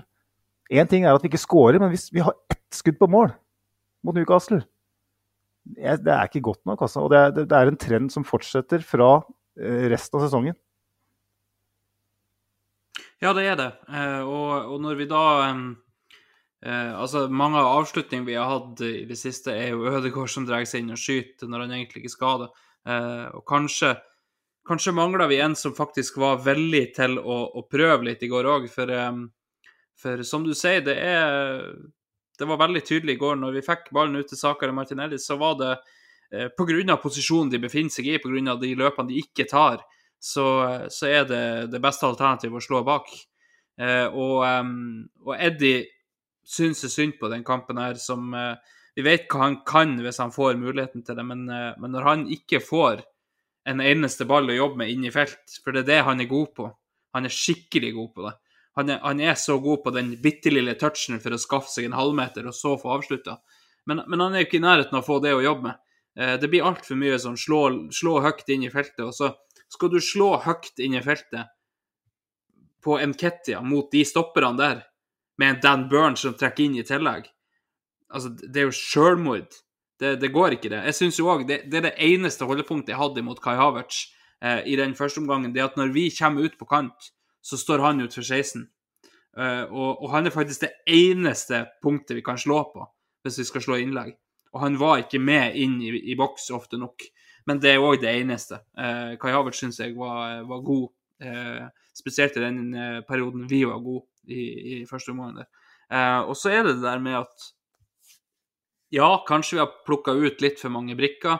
Eh, spesielt kanskje med tanke på fjorårssesongen, eh, der eh, vi vet hvor viktig Party var, vi vet hvor viktig Sjaka var, vi vet hvor viktig eh, Ødegård var, eh, og Jesus ikke minst. Eh, og så nå er vi på en måte uten noen av de i, i den kampen der. Men, men som du sier, Magnus, vi, vi har jo på en måte vi, vi skal jo rekruttere for å spille vår fotball, og hvis det er sånn at vi setter inn på folk eh, for de vi mangler, så er det sånn at nå må vi spille en helt annen type fotball.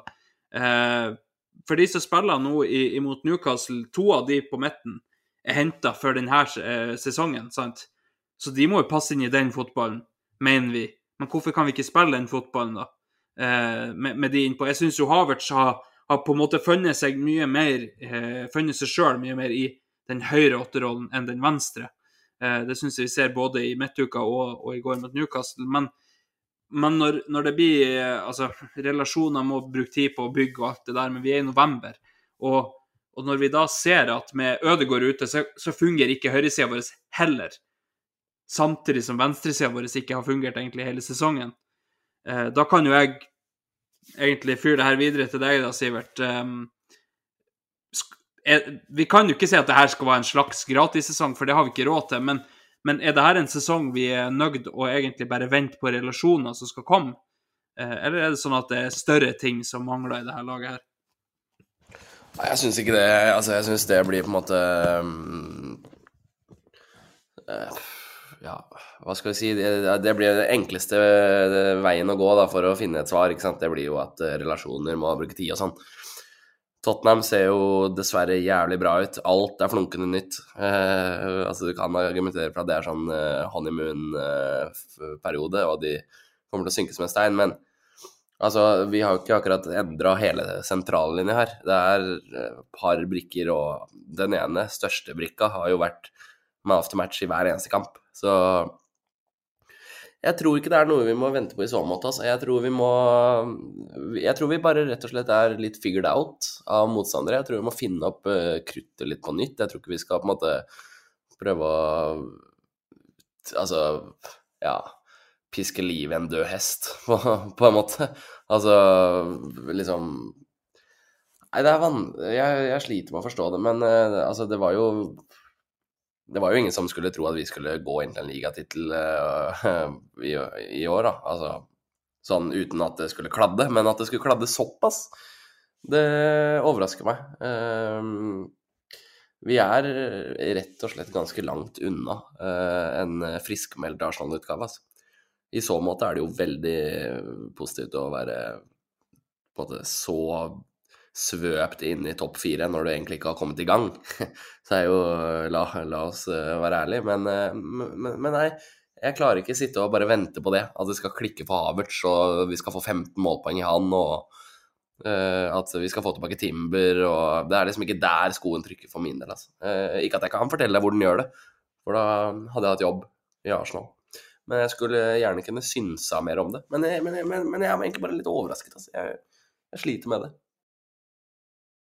Ja, eh, så må jeg jo eh, nesten arrestere litt. Vi har jo bytta ut hele sentrallinja vår, bortsett fra stopperne, i denne kampen. da. Eh, Ja, sentrallinja vår det er- med, ja, det. Party, Sjaka, Ødegård og Jesus i fjor er jo borte. Ja, det er faktisk sant. Eh, Ja, faktisk, ja, faktisk sant. Så i den kampen er den jo borte. Men jeg, men jeg skjønner hva du mener. Altså, det, det er ikke sånn at Jo, jo. vi, vi har funnet opp et helt lag på nytt, sånn som til dels Tottenham har gjort. Men, Men der er jeg nok eh, iblant de som sier at når det her stopper, så kan det stoppe ordentlig.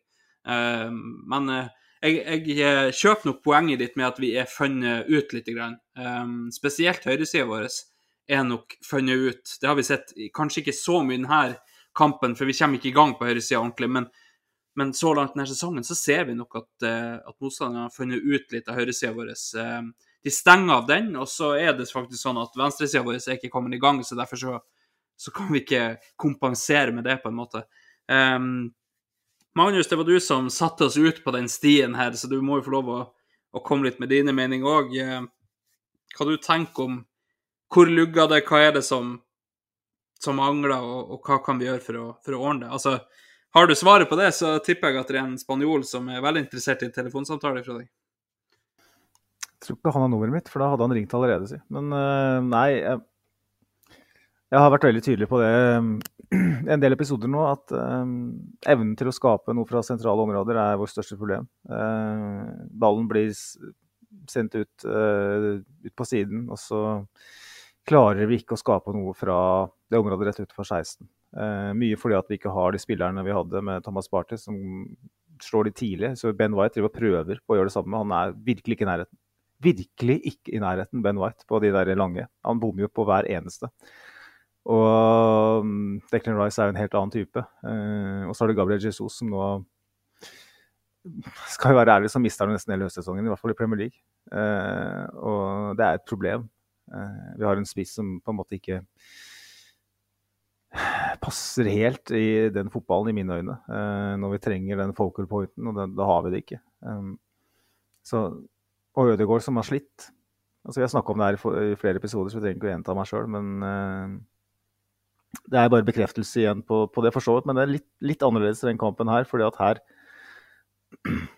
her syns jeg vi har tilløp. Altså. Det er bare det at vi ikke tar vare på det. og eh, Det er jo flere som er enig med, eh, med deg, Andreas. Eh, Bl.a.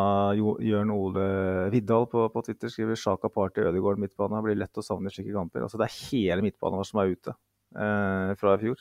Eh, så ser man at Tottenham må bygge en ny midtbane på løpet av sommeren. Liverpool gjør det samme. Eh, skaper masse målsjanser. Eh, Arsenal gjør det ikke, selv om vi sier at vi har den største talentet i verden på høyrekanten og den mest fryktinngytende fyren rettvendt i Martinelli. Eh, men vi skaper ingenting.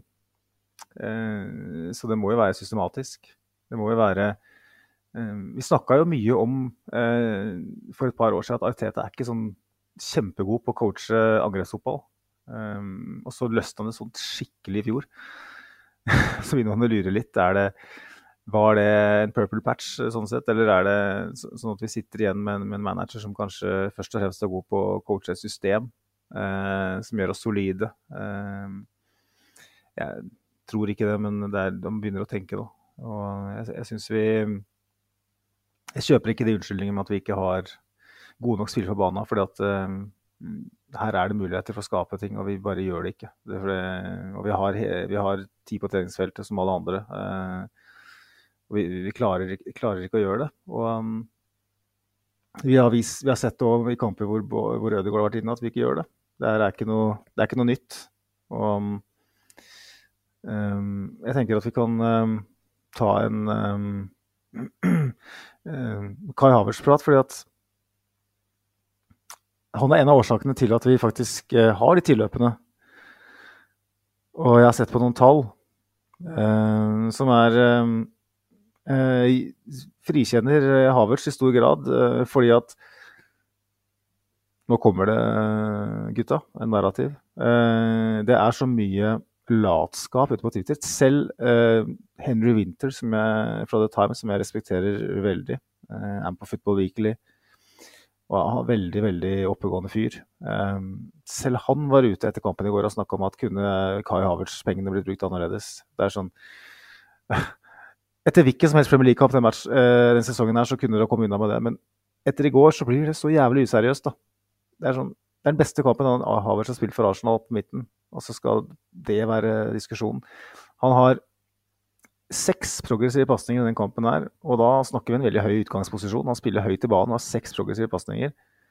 Eh, ingen av de andre i den offensive femmeren er i nærheten av det. Rice har flest med 13, men så spiller han også mye dypere.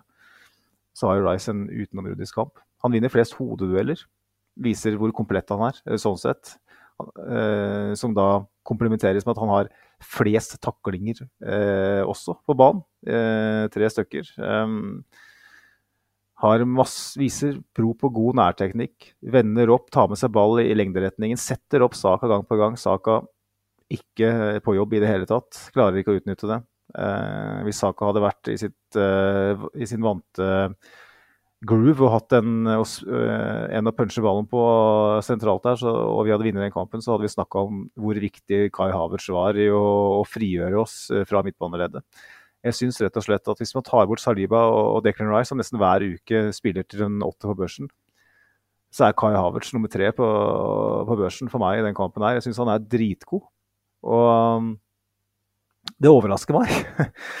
og det, det, gleder meg veldig. Jeg skal ikke ta av ennå. Eh, det er altfor tidlig etter eh, en og en halv match, men jeg syns det her var et voldsomt steg i, i, i rett retning, og det er det heldigvis flere som er uh, enige i også. Vi har um, bl.a.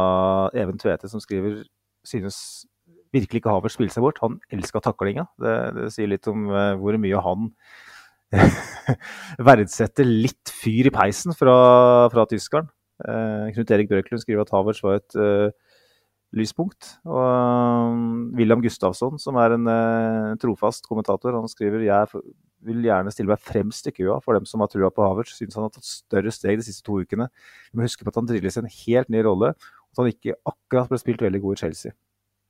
Um, Sivert, eh, du har vært kanskje vår største Kai-forsvarer. Um, uh, vil du arrestere meg her, eller er du, er du på Kai-kjøret? Jeg er på altså jeg er ikke på Kai-kjøret. Jeg bare um, syns uh, som et uh, prinsipp som uh, altså fotballsupporter at man er for reaksjonær. Uh, og at uh, Havels liksom skulle få så mye støyt fra egne uh, så tidlig, det bare irriterte han jævlig. Og da tok jeg han kanskje litt under vingen. jeg, som alle, har jo sett at det går litt trått, og han ser jo Til tider så har han sett nesten klønete ut. Men jeg syns eh, Westham, og jeg syns eh, det lille jeg har sett da Jeg, jeg så en compilation, faktisk, Havertz-komp, eh, fra, fra, i går. Og det er en, det, altså, han har absolutt noe å gjøre i Arsenal-utgaven her. Han, altså, altså, pengene kunne bli lagt annerledes. Det er jo for noe sprøyt. Tenk at han får betalt for å mene noe om uh, det greiene der. Da. Jeg er helt enig med Magnus. Uh, dritbra oppsummert. Uh, så får vi se Altså, vi må jo se målpoeng fra karen, da, selvfølgelig. Men uh, slik som du Altså, det er jo det Du kan ikke være 7,3 på børsen en hel sesong og en straffeskåring, altså. Så der må det skje noe. Uh, I form av hockeyassist, i form av å ta mer initiativ, og ikke bare på en måte uh, gjøre sakene sine godt, men ikke ta, altså, ikke ta noe tak i, i, i matchen, da. Men altså, gi, gi, gi mannen tid, da. Hvilket år er Kai født, da? 99? Det er jo Jeg vet ikke, jeg spør. 98? Uh, jeg har klokketro på han. Hyggelig at, du, eh, hyggelig at du tar han til, uh, til forsvar, uh, Magnus. Det, ja, det er ekstremt viktig, Sivert, å, å mm, ikke skape seg egne agendaer om at en spiller ikke er god nok. Jeg har vært veldig kritisk til Havertz, og er det fortsatt, for så vidt. Men når han er god, så skal han faen meg få, få den krediten han fortjener. Også. Altså. Og i går så gjør han gode løp inn i boks. og Jeg er enig med Andreas at han kanskje ikke gjør de der eh, løpene på bakerste eh, når vi slår de innsvingerne, som ekstremt lett å lese, selvfølgelig. Men han, han var et par tilfeller hvor Martinelli spesielt kom ned til siden. Sinchenko en gang, tror jeg, hvor, hvor Havertz er fri i boksen, men de har skylapper og løfter ikke blikket. Er ikke Øzil når han slår på andrebevegelsen. Eh, hadde vi hatt den spilleren da, så, så hadde Kai Havertz stått med stått med et målpoeng, tror jeg. Og mm, jeg er helt enig i at han, han må jo eh, begynne å produsere. Men han kan ikke, han kan ikke produsere hvis han, hvis han, er helt ute av det, sånn som han har vært. Men hvis han begynner å prestere på det nivået her, så kommer målpoengene av seg sjøl. Jeg vet ikke, Andreas. Er det, um, er det noen andre du ønsker å trekke fram, eller ønsker du å snakke mer med Kai? jeg kan jo nevne det først at jeg syns uh, han takla det veldig greit, at det koka rundt han uh, i den kampen her. Uh, Newcastle var absolutt på han, spesielt etter pause. så har han ei takling, så han skal være glad for at han ikke blir utvist på å få det andre gule. For der kan du gå på risiko og alt det der. Men hvis jeg trekker det til side, så, så, er han veldig, veldig rolig. det er et par bilder der, der står Newcastle-spillere og dytter han i brystkassen. og og kjefta i det hele tatt, og du ser bare han gliser liksom og, og rygger unna. Um, så, så, det er veldig veldig godt å se at han kan roe seg ned. og så, uh, Som jeg skrev til Chatner, han er født i 99, så, uh, så han er bare 24 år.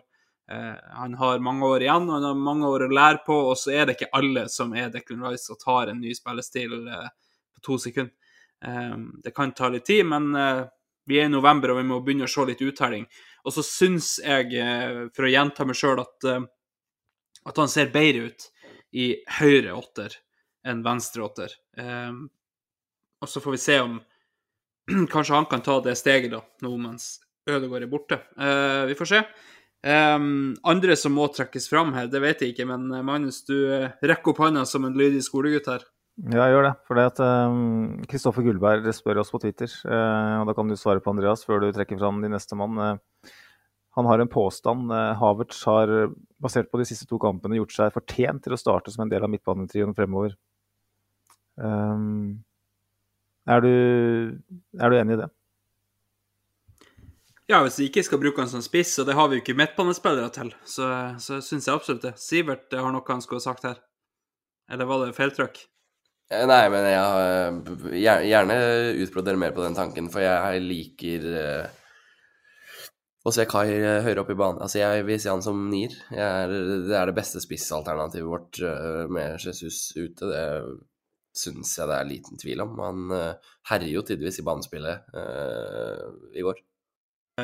ja, så jeg er ikke helt sikker på hvem vi møter neste. det er da, da, sitter jeg faktisk på tribben.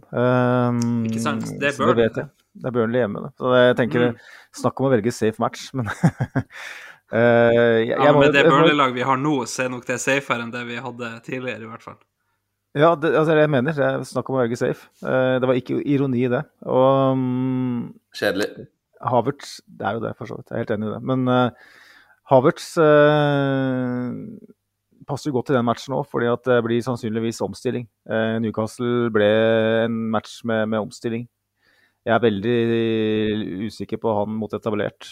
Veldig, veldig usikker. Men uh, når det blir omstilling, så er han kjempegod. Og klart når du spiller da som nier, som Sivert uh, er inne på her, når man kan slå på han i omstilling Når han må spille mer instinktivt i stedet for å, å komme rettvendt og måtte ta en avgjørelse med ball. Når han må ta en avgjørelse på flikk av en bryter, da har han vist at han er ekstremt bra. Så han, han, kan gjerne starte på midten mot, uh, mot, Burnley, og han kan gjerne starte på topp. Uh, han har vist nok nå i halvannen match til at man må gi 65 millioners mann uh, sjansen mot, mot, det som er bunn to, i alle fall i Premier League så langt. Ja, og så viser jo absolutt ikke Viera nok til at han skal bli satsa på i den kampen. For Jesus, for et innhopp. Jeg syns jo ingen av innbytterne våre var noe sånn å rope hurra for. Uh, Trossar prøver i hvert fall. Det Viera var Ja, det er et par sånn halvmeterspasninger som ikke sitter, og altså det Ja.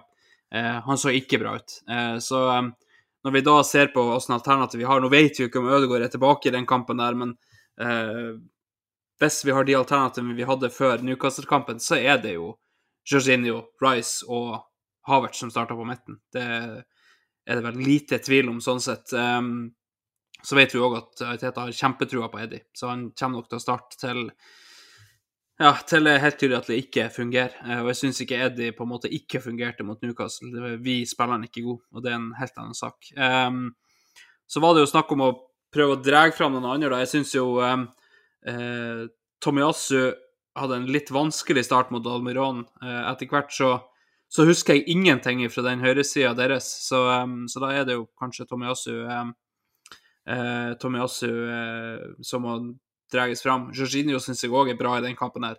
Resirkulerer mye bra. Han, han, du ser mangel på, på, fart et par ganger, men eh, ja. det, ellers er det ikke noe sånn kjempe, eh, kjempekamp eh, av noen. Um, vi har prata om både, både, Saliba og Gabriel i det hele tatt, men, eh, men ja.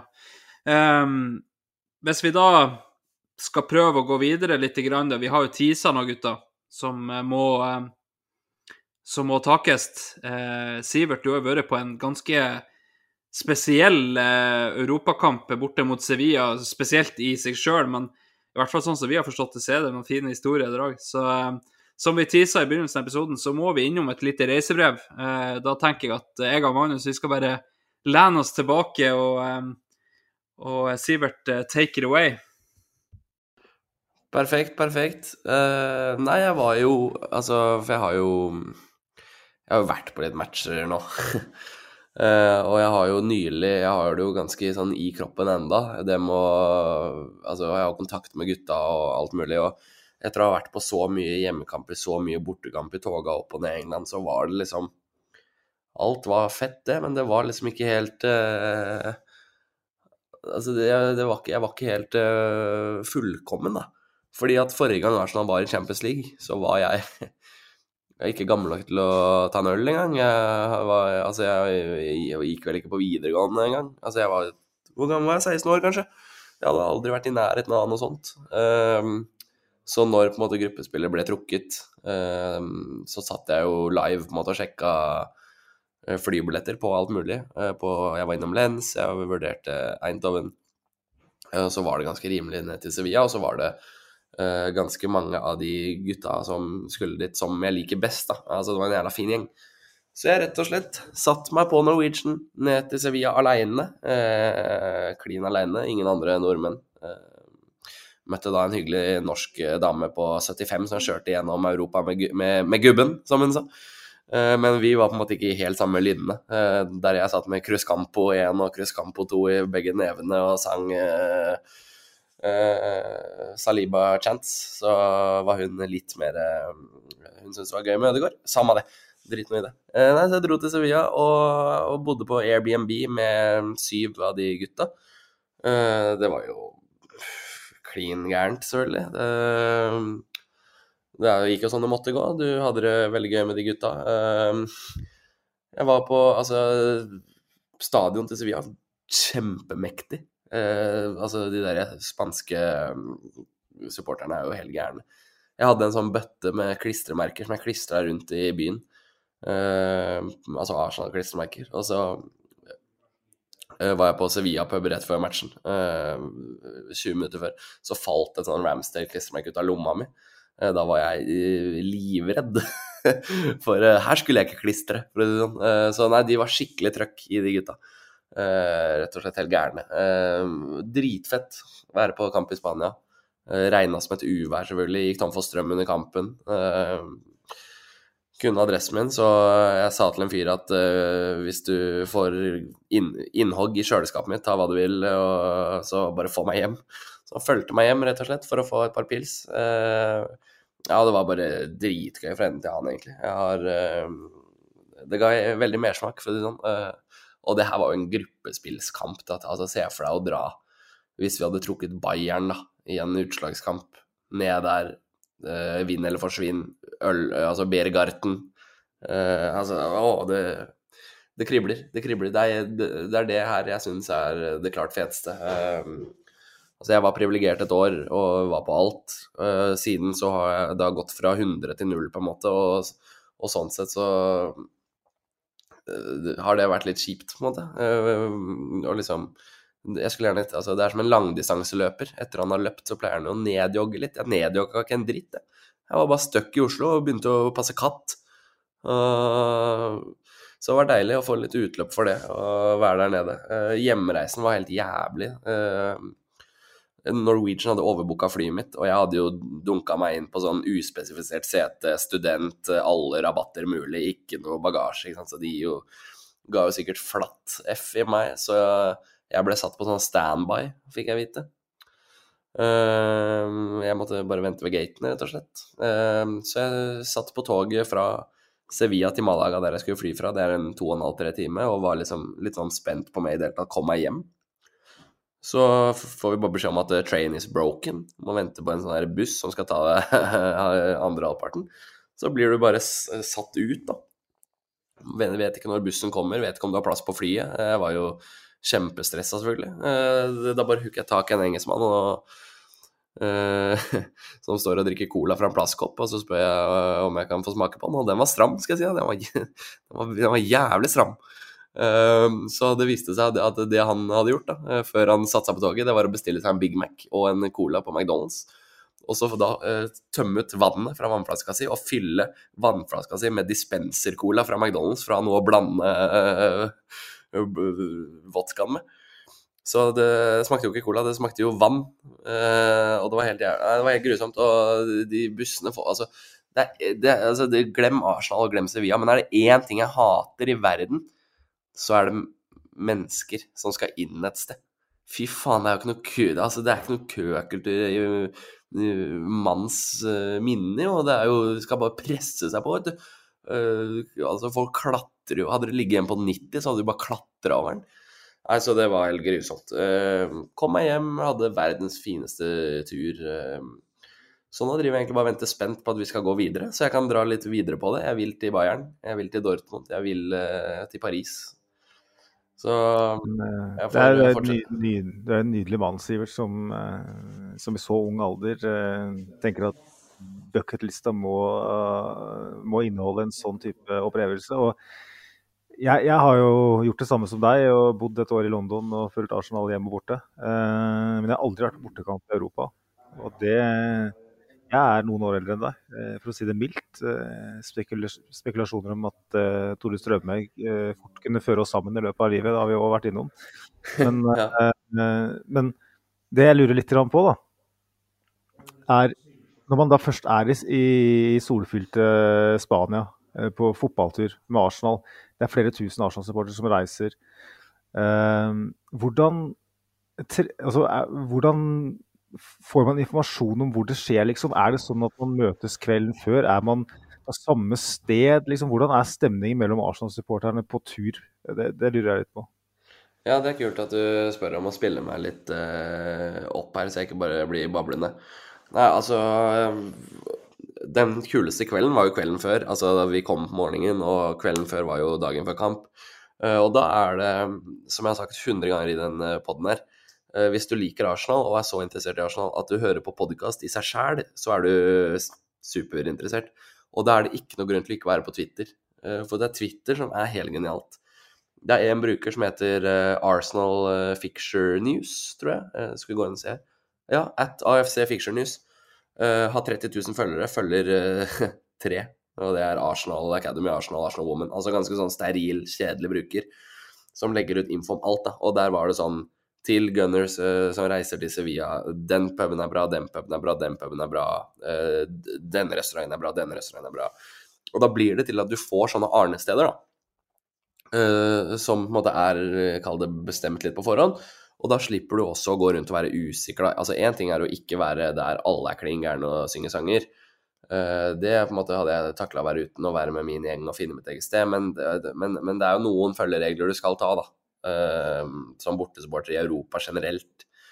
Eh, altså ultrakulturen på kontinentet er liksom ikke noe jeg hadde tulla altfor mye med. Jeg, altså, jeg sier ikke at jeg følte meg utrygg, faktisk det motsatte. Eh, Det var skikkelig fine gater og ikke noe problemer hele tida, men, men det er jo greit å ikke vimse rundt i, med halvannen i promille og Arsenal-drakt og tro alt er fint. Da. Det er jo greit å holde seg til en gjeng. og når du er der, så blir du superrespektert. Eh, Altså, det er mange som kjenner mitt ansikt fordi at jeg tweeter mye, fordi at jeg har vært der et år og er en sånn mann som snakker med alle hele tida. Så øh, til meg så kommer det jo liksom nikk og kanskje en øl eller en hyggelig å se deg igjen. Eh, men det er ikke sånn at du må være helt eh, Ikke at jeg er det, men det er ikke sånn at du må være helt King Kong helt inni det for å være på sånn bortetur. Altså, eh, det er ikke noe hierarki der. Eh, du trenger ikke være noe Folk er ikke sånn herre Å ja, hvor uh, fikk du billetten din fra? Du, du har jo ikke 40 away loyalty points, og uh, du var jo ikke i Forrest, liksom. Uh, hva gjør du her? Bare cherrypicker du? Sånn er det ikke. Har du, har du satt deg på et fly fra hvor som helst i verden, flydd til Sevilla for å se på Arsenal, så blir du superrespektert. Altså. Det er ikke noe uh, ifs, buts or maybes i det hele tatt på det, egentlig. Det er uh, bare god stemning, og det er ikke noe kødd. Det er ikke noe sånn indre justis, eller det er uh, Altså Det var flere, flere tusen i Sevilla som var der uten billett, for å si det sånn. Som bare tar det som en tur, være en del av atmosfæren, for det er jo det som er fett. Jeg satt og prata med en, et, et, et, litt eldre par faktisk på puben dagen før, og da sa de at Nei, altså mannen min har jo sesongkort, selvfølgelig. Og han hadde lojalitetspoeng nok til å dra på den kampen her. Jeg vil bare være med, og jeg har ikke billett.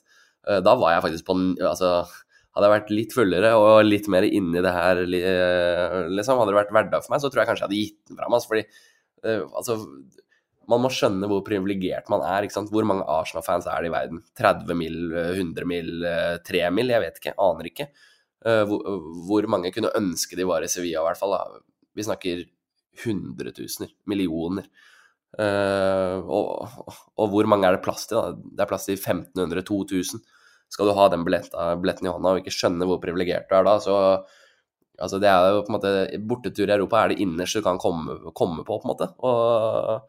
Og så, så, det må du bare bære med stolthet. Og ja, så det er ikke noe alle, Du blir veldig respektert, og alle koser seg. Og, men du må være klar over det, da. At uh, det sitter faktisk folk ved siden av deg på puben som er her for opplevelsen, liksom. Så ikke Du skal ikke ta så mye plass.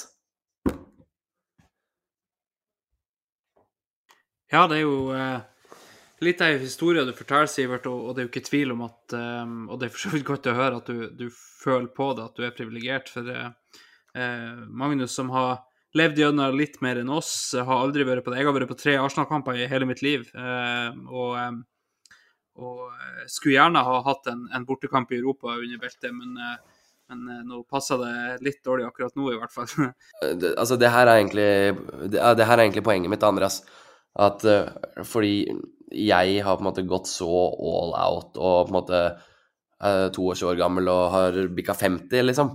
Så, så, og på kontinentet og, og, og, borte mot Tottenham og alt mulig, så Altså, jeg må prøve å nyansere det litt, da. At for, for eksempel eh, du, da, som er um, Om ikke mer interessert enn meg, så er du faen ikke noe mindre interessert, for å si det sånn. Du hadde selvfølgelig lyst til å være der. Uh, og, og, og, sånn tenker jeg hele veien. Altså, for eksempel for deg så er det en ekstra flytur og altså masse greier. Og for andre så er det kanskje uh, helse, for andre er det penger, for tredje er det flyskrekk, for uh, en fjerdemann så kan det være hva, det, det, har ikke noe å si hva det er. Poenget er at du må skjønne at det ikke er hverdagslig, at ikke alle kan gjøre sånn. Altså, du må være litt sånn Ditt ansvar bevis... Altså, dere skjønner hvor jeg vil hen. Jeg sliter med å få formulere det, men det er sånn derre Det er å liksom være nede i Sevilla med stjernene Arsenal-fans, det er liksom Ja.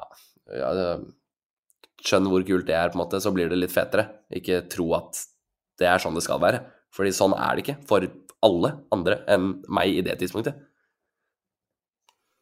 Ja, viktig å ikke ta eh ta sånne privilegier for gitt. Eh, jeg vet ikke, gutta, nå, nå tikker klokka veldig. Vi har passert 1.42 akkurat nå. Eller 1 time og 42, da. Eh, så eh, det, det ble lenger enn vi, enn vi hadde håpa og trodd. Men er det noe mer vi skal innom, eller skal vi runde av for kvelden? Nei, jeg beklager igjen at min, min tidstilværelse gjør at det her blir dritlangt, men vi må gi oss. Vi må det. Vi sa 1.35 maks, og nå er vi på 1.42, så da Spiller vi i midtuka? Vi har vel en Sevilla i midtuka, ja. Sevilla-match, ja. Ja, Deilig. Dra tidligere til London, da. Da kan vi langt på vei avgjøre, avgjøre førsteplassen i gruppa òg. Eller ikke førsteplassen, men i hvert fall avansement kan vi avgjøre i midtuka. Spiller vi på onsdag? Yes. Ja, deilig. Det er jo onsdag, torsdag, fredag. Det er tre egenmeldinger og Sevilla-kamp på Magnus, det. jeg har jo pappaperm, sånn at uh, det er verre med egenmelding hjemme. Har ikke barnet eh, besteforeldre, brukte jeg å si på jobben min, da. Men eh, skjønner at det, det, er, det, er, vanskelig. Men eh, gutta, da tenker jeg at vi skal, vi skal runde av. Sivert, du må huske på matkatten før du legger deg. Lucy ble eh, henta i går. Ja, OK, men da er det faktisk eieren sitt ansvar. Da, da får du gå fri. End, endelig mat på Sivert. Ja, ikke sant? og og eh, ifra meg skal vi da eh, ha et eh, Vi hørs, og eh, Magnus, du skal få lov å avslutte med um, hvordan var det nå? Um, Ha det, ha det. Hei. det var det. Takk skal du ha. Hei, hei.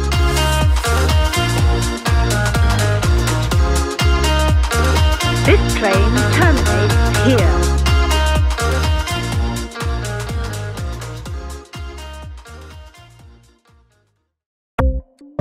Ukens annonsør er HelloFresh. HelloFresh er verdens ledende matkasseleverandør og kan være redningen i en travel hverdag. Mange av oss har nok vandret i butikken både sultne og uten en plan for middagen, som ender med at vi går for de samme kjedelige rettene gang på gang.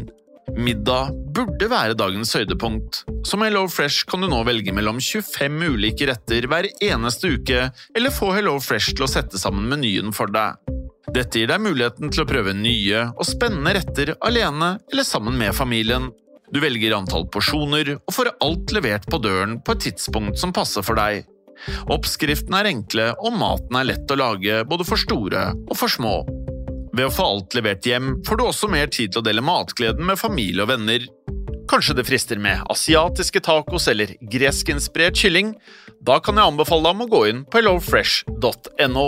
Her kan du bruke koden FOTBALL og få opptil 1779 kroner i rabatt på de første fem matkastene hvis du ikke har prøvd HelloFresh tidligere. Du kan også bruke rabatten hvis du har vært kunde og stoppet abonnementet ditt for tolv måneder siden eller lengre. Gå inn på hellofresh.no og bruk koden FOTBALL.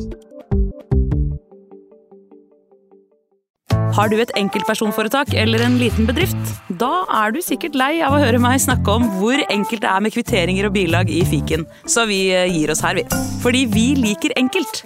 Fiken superenkelt regnskap.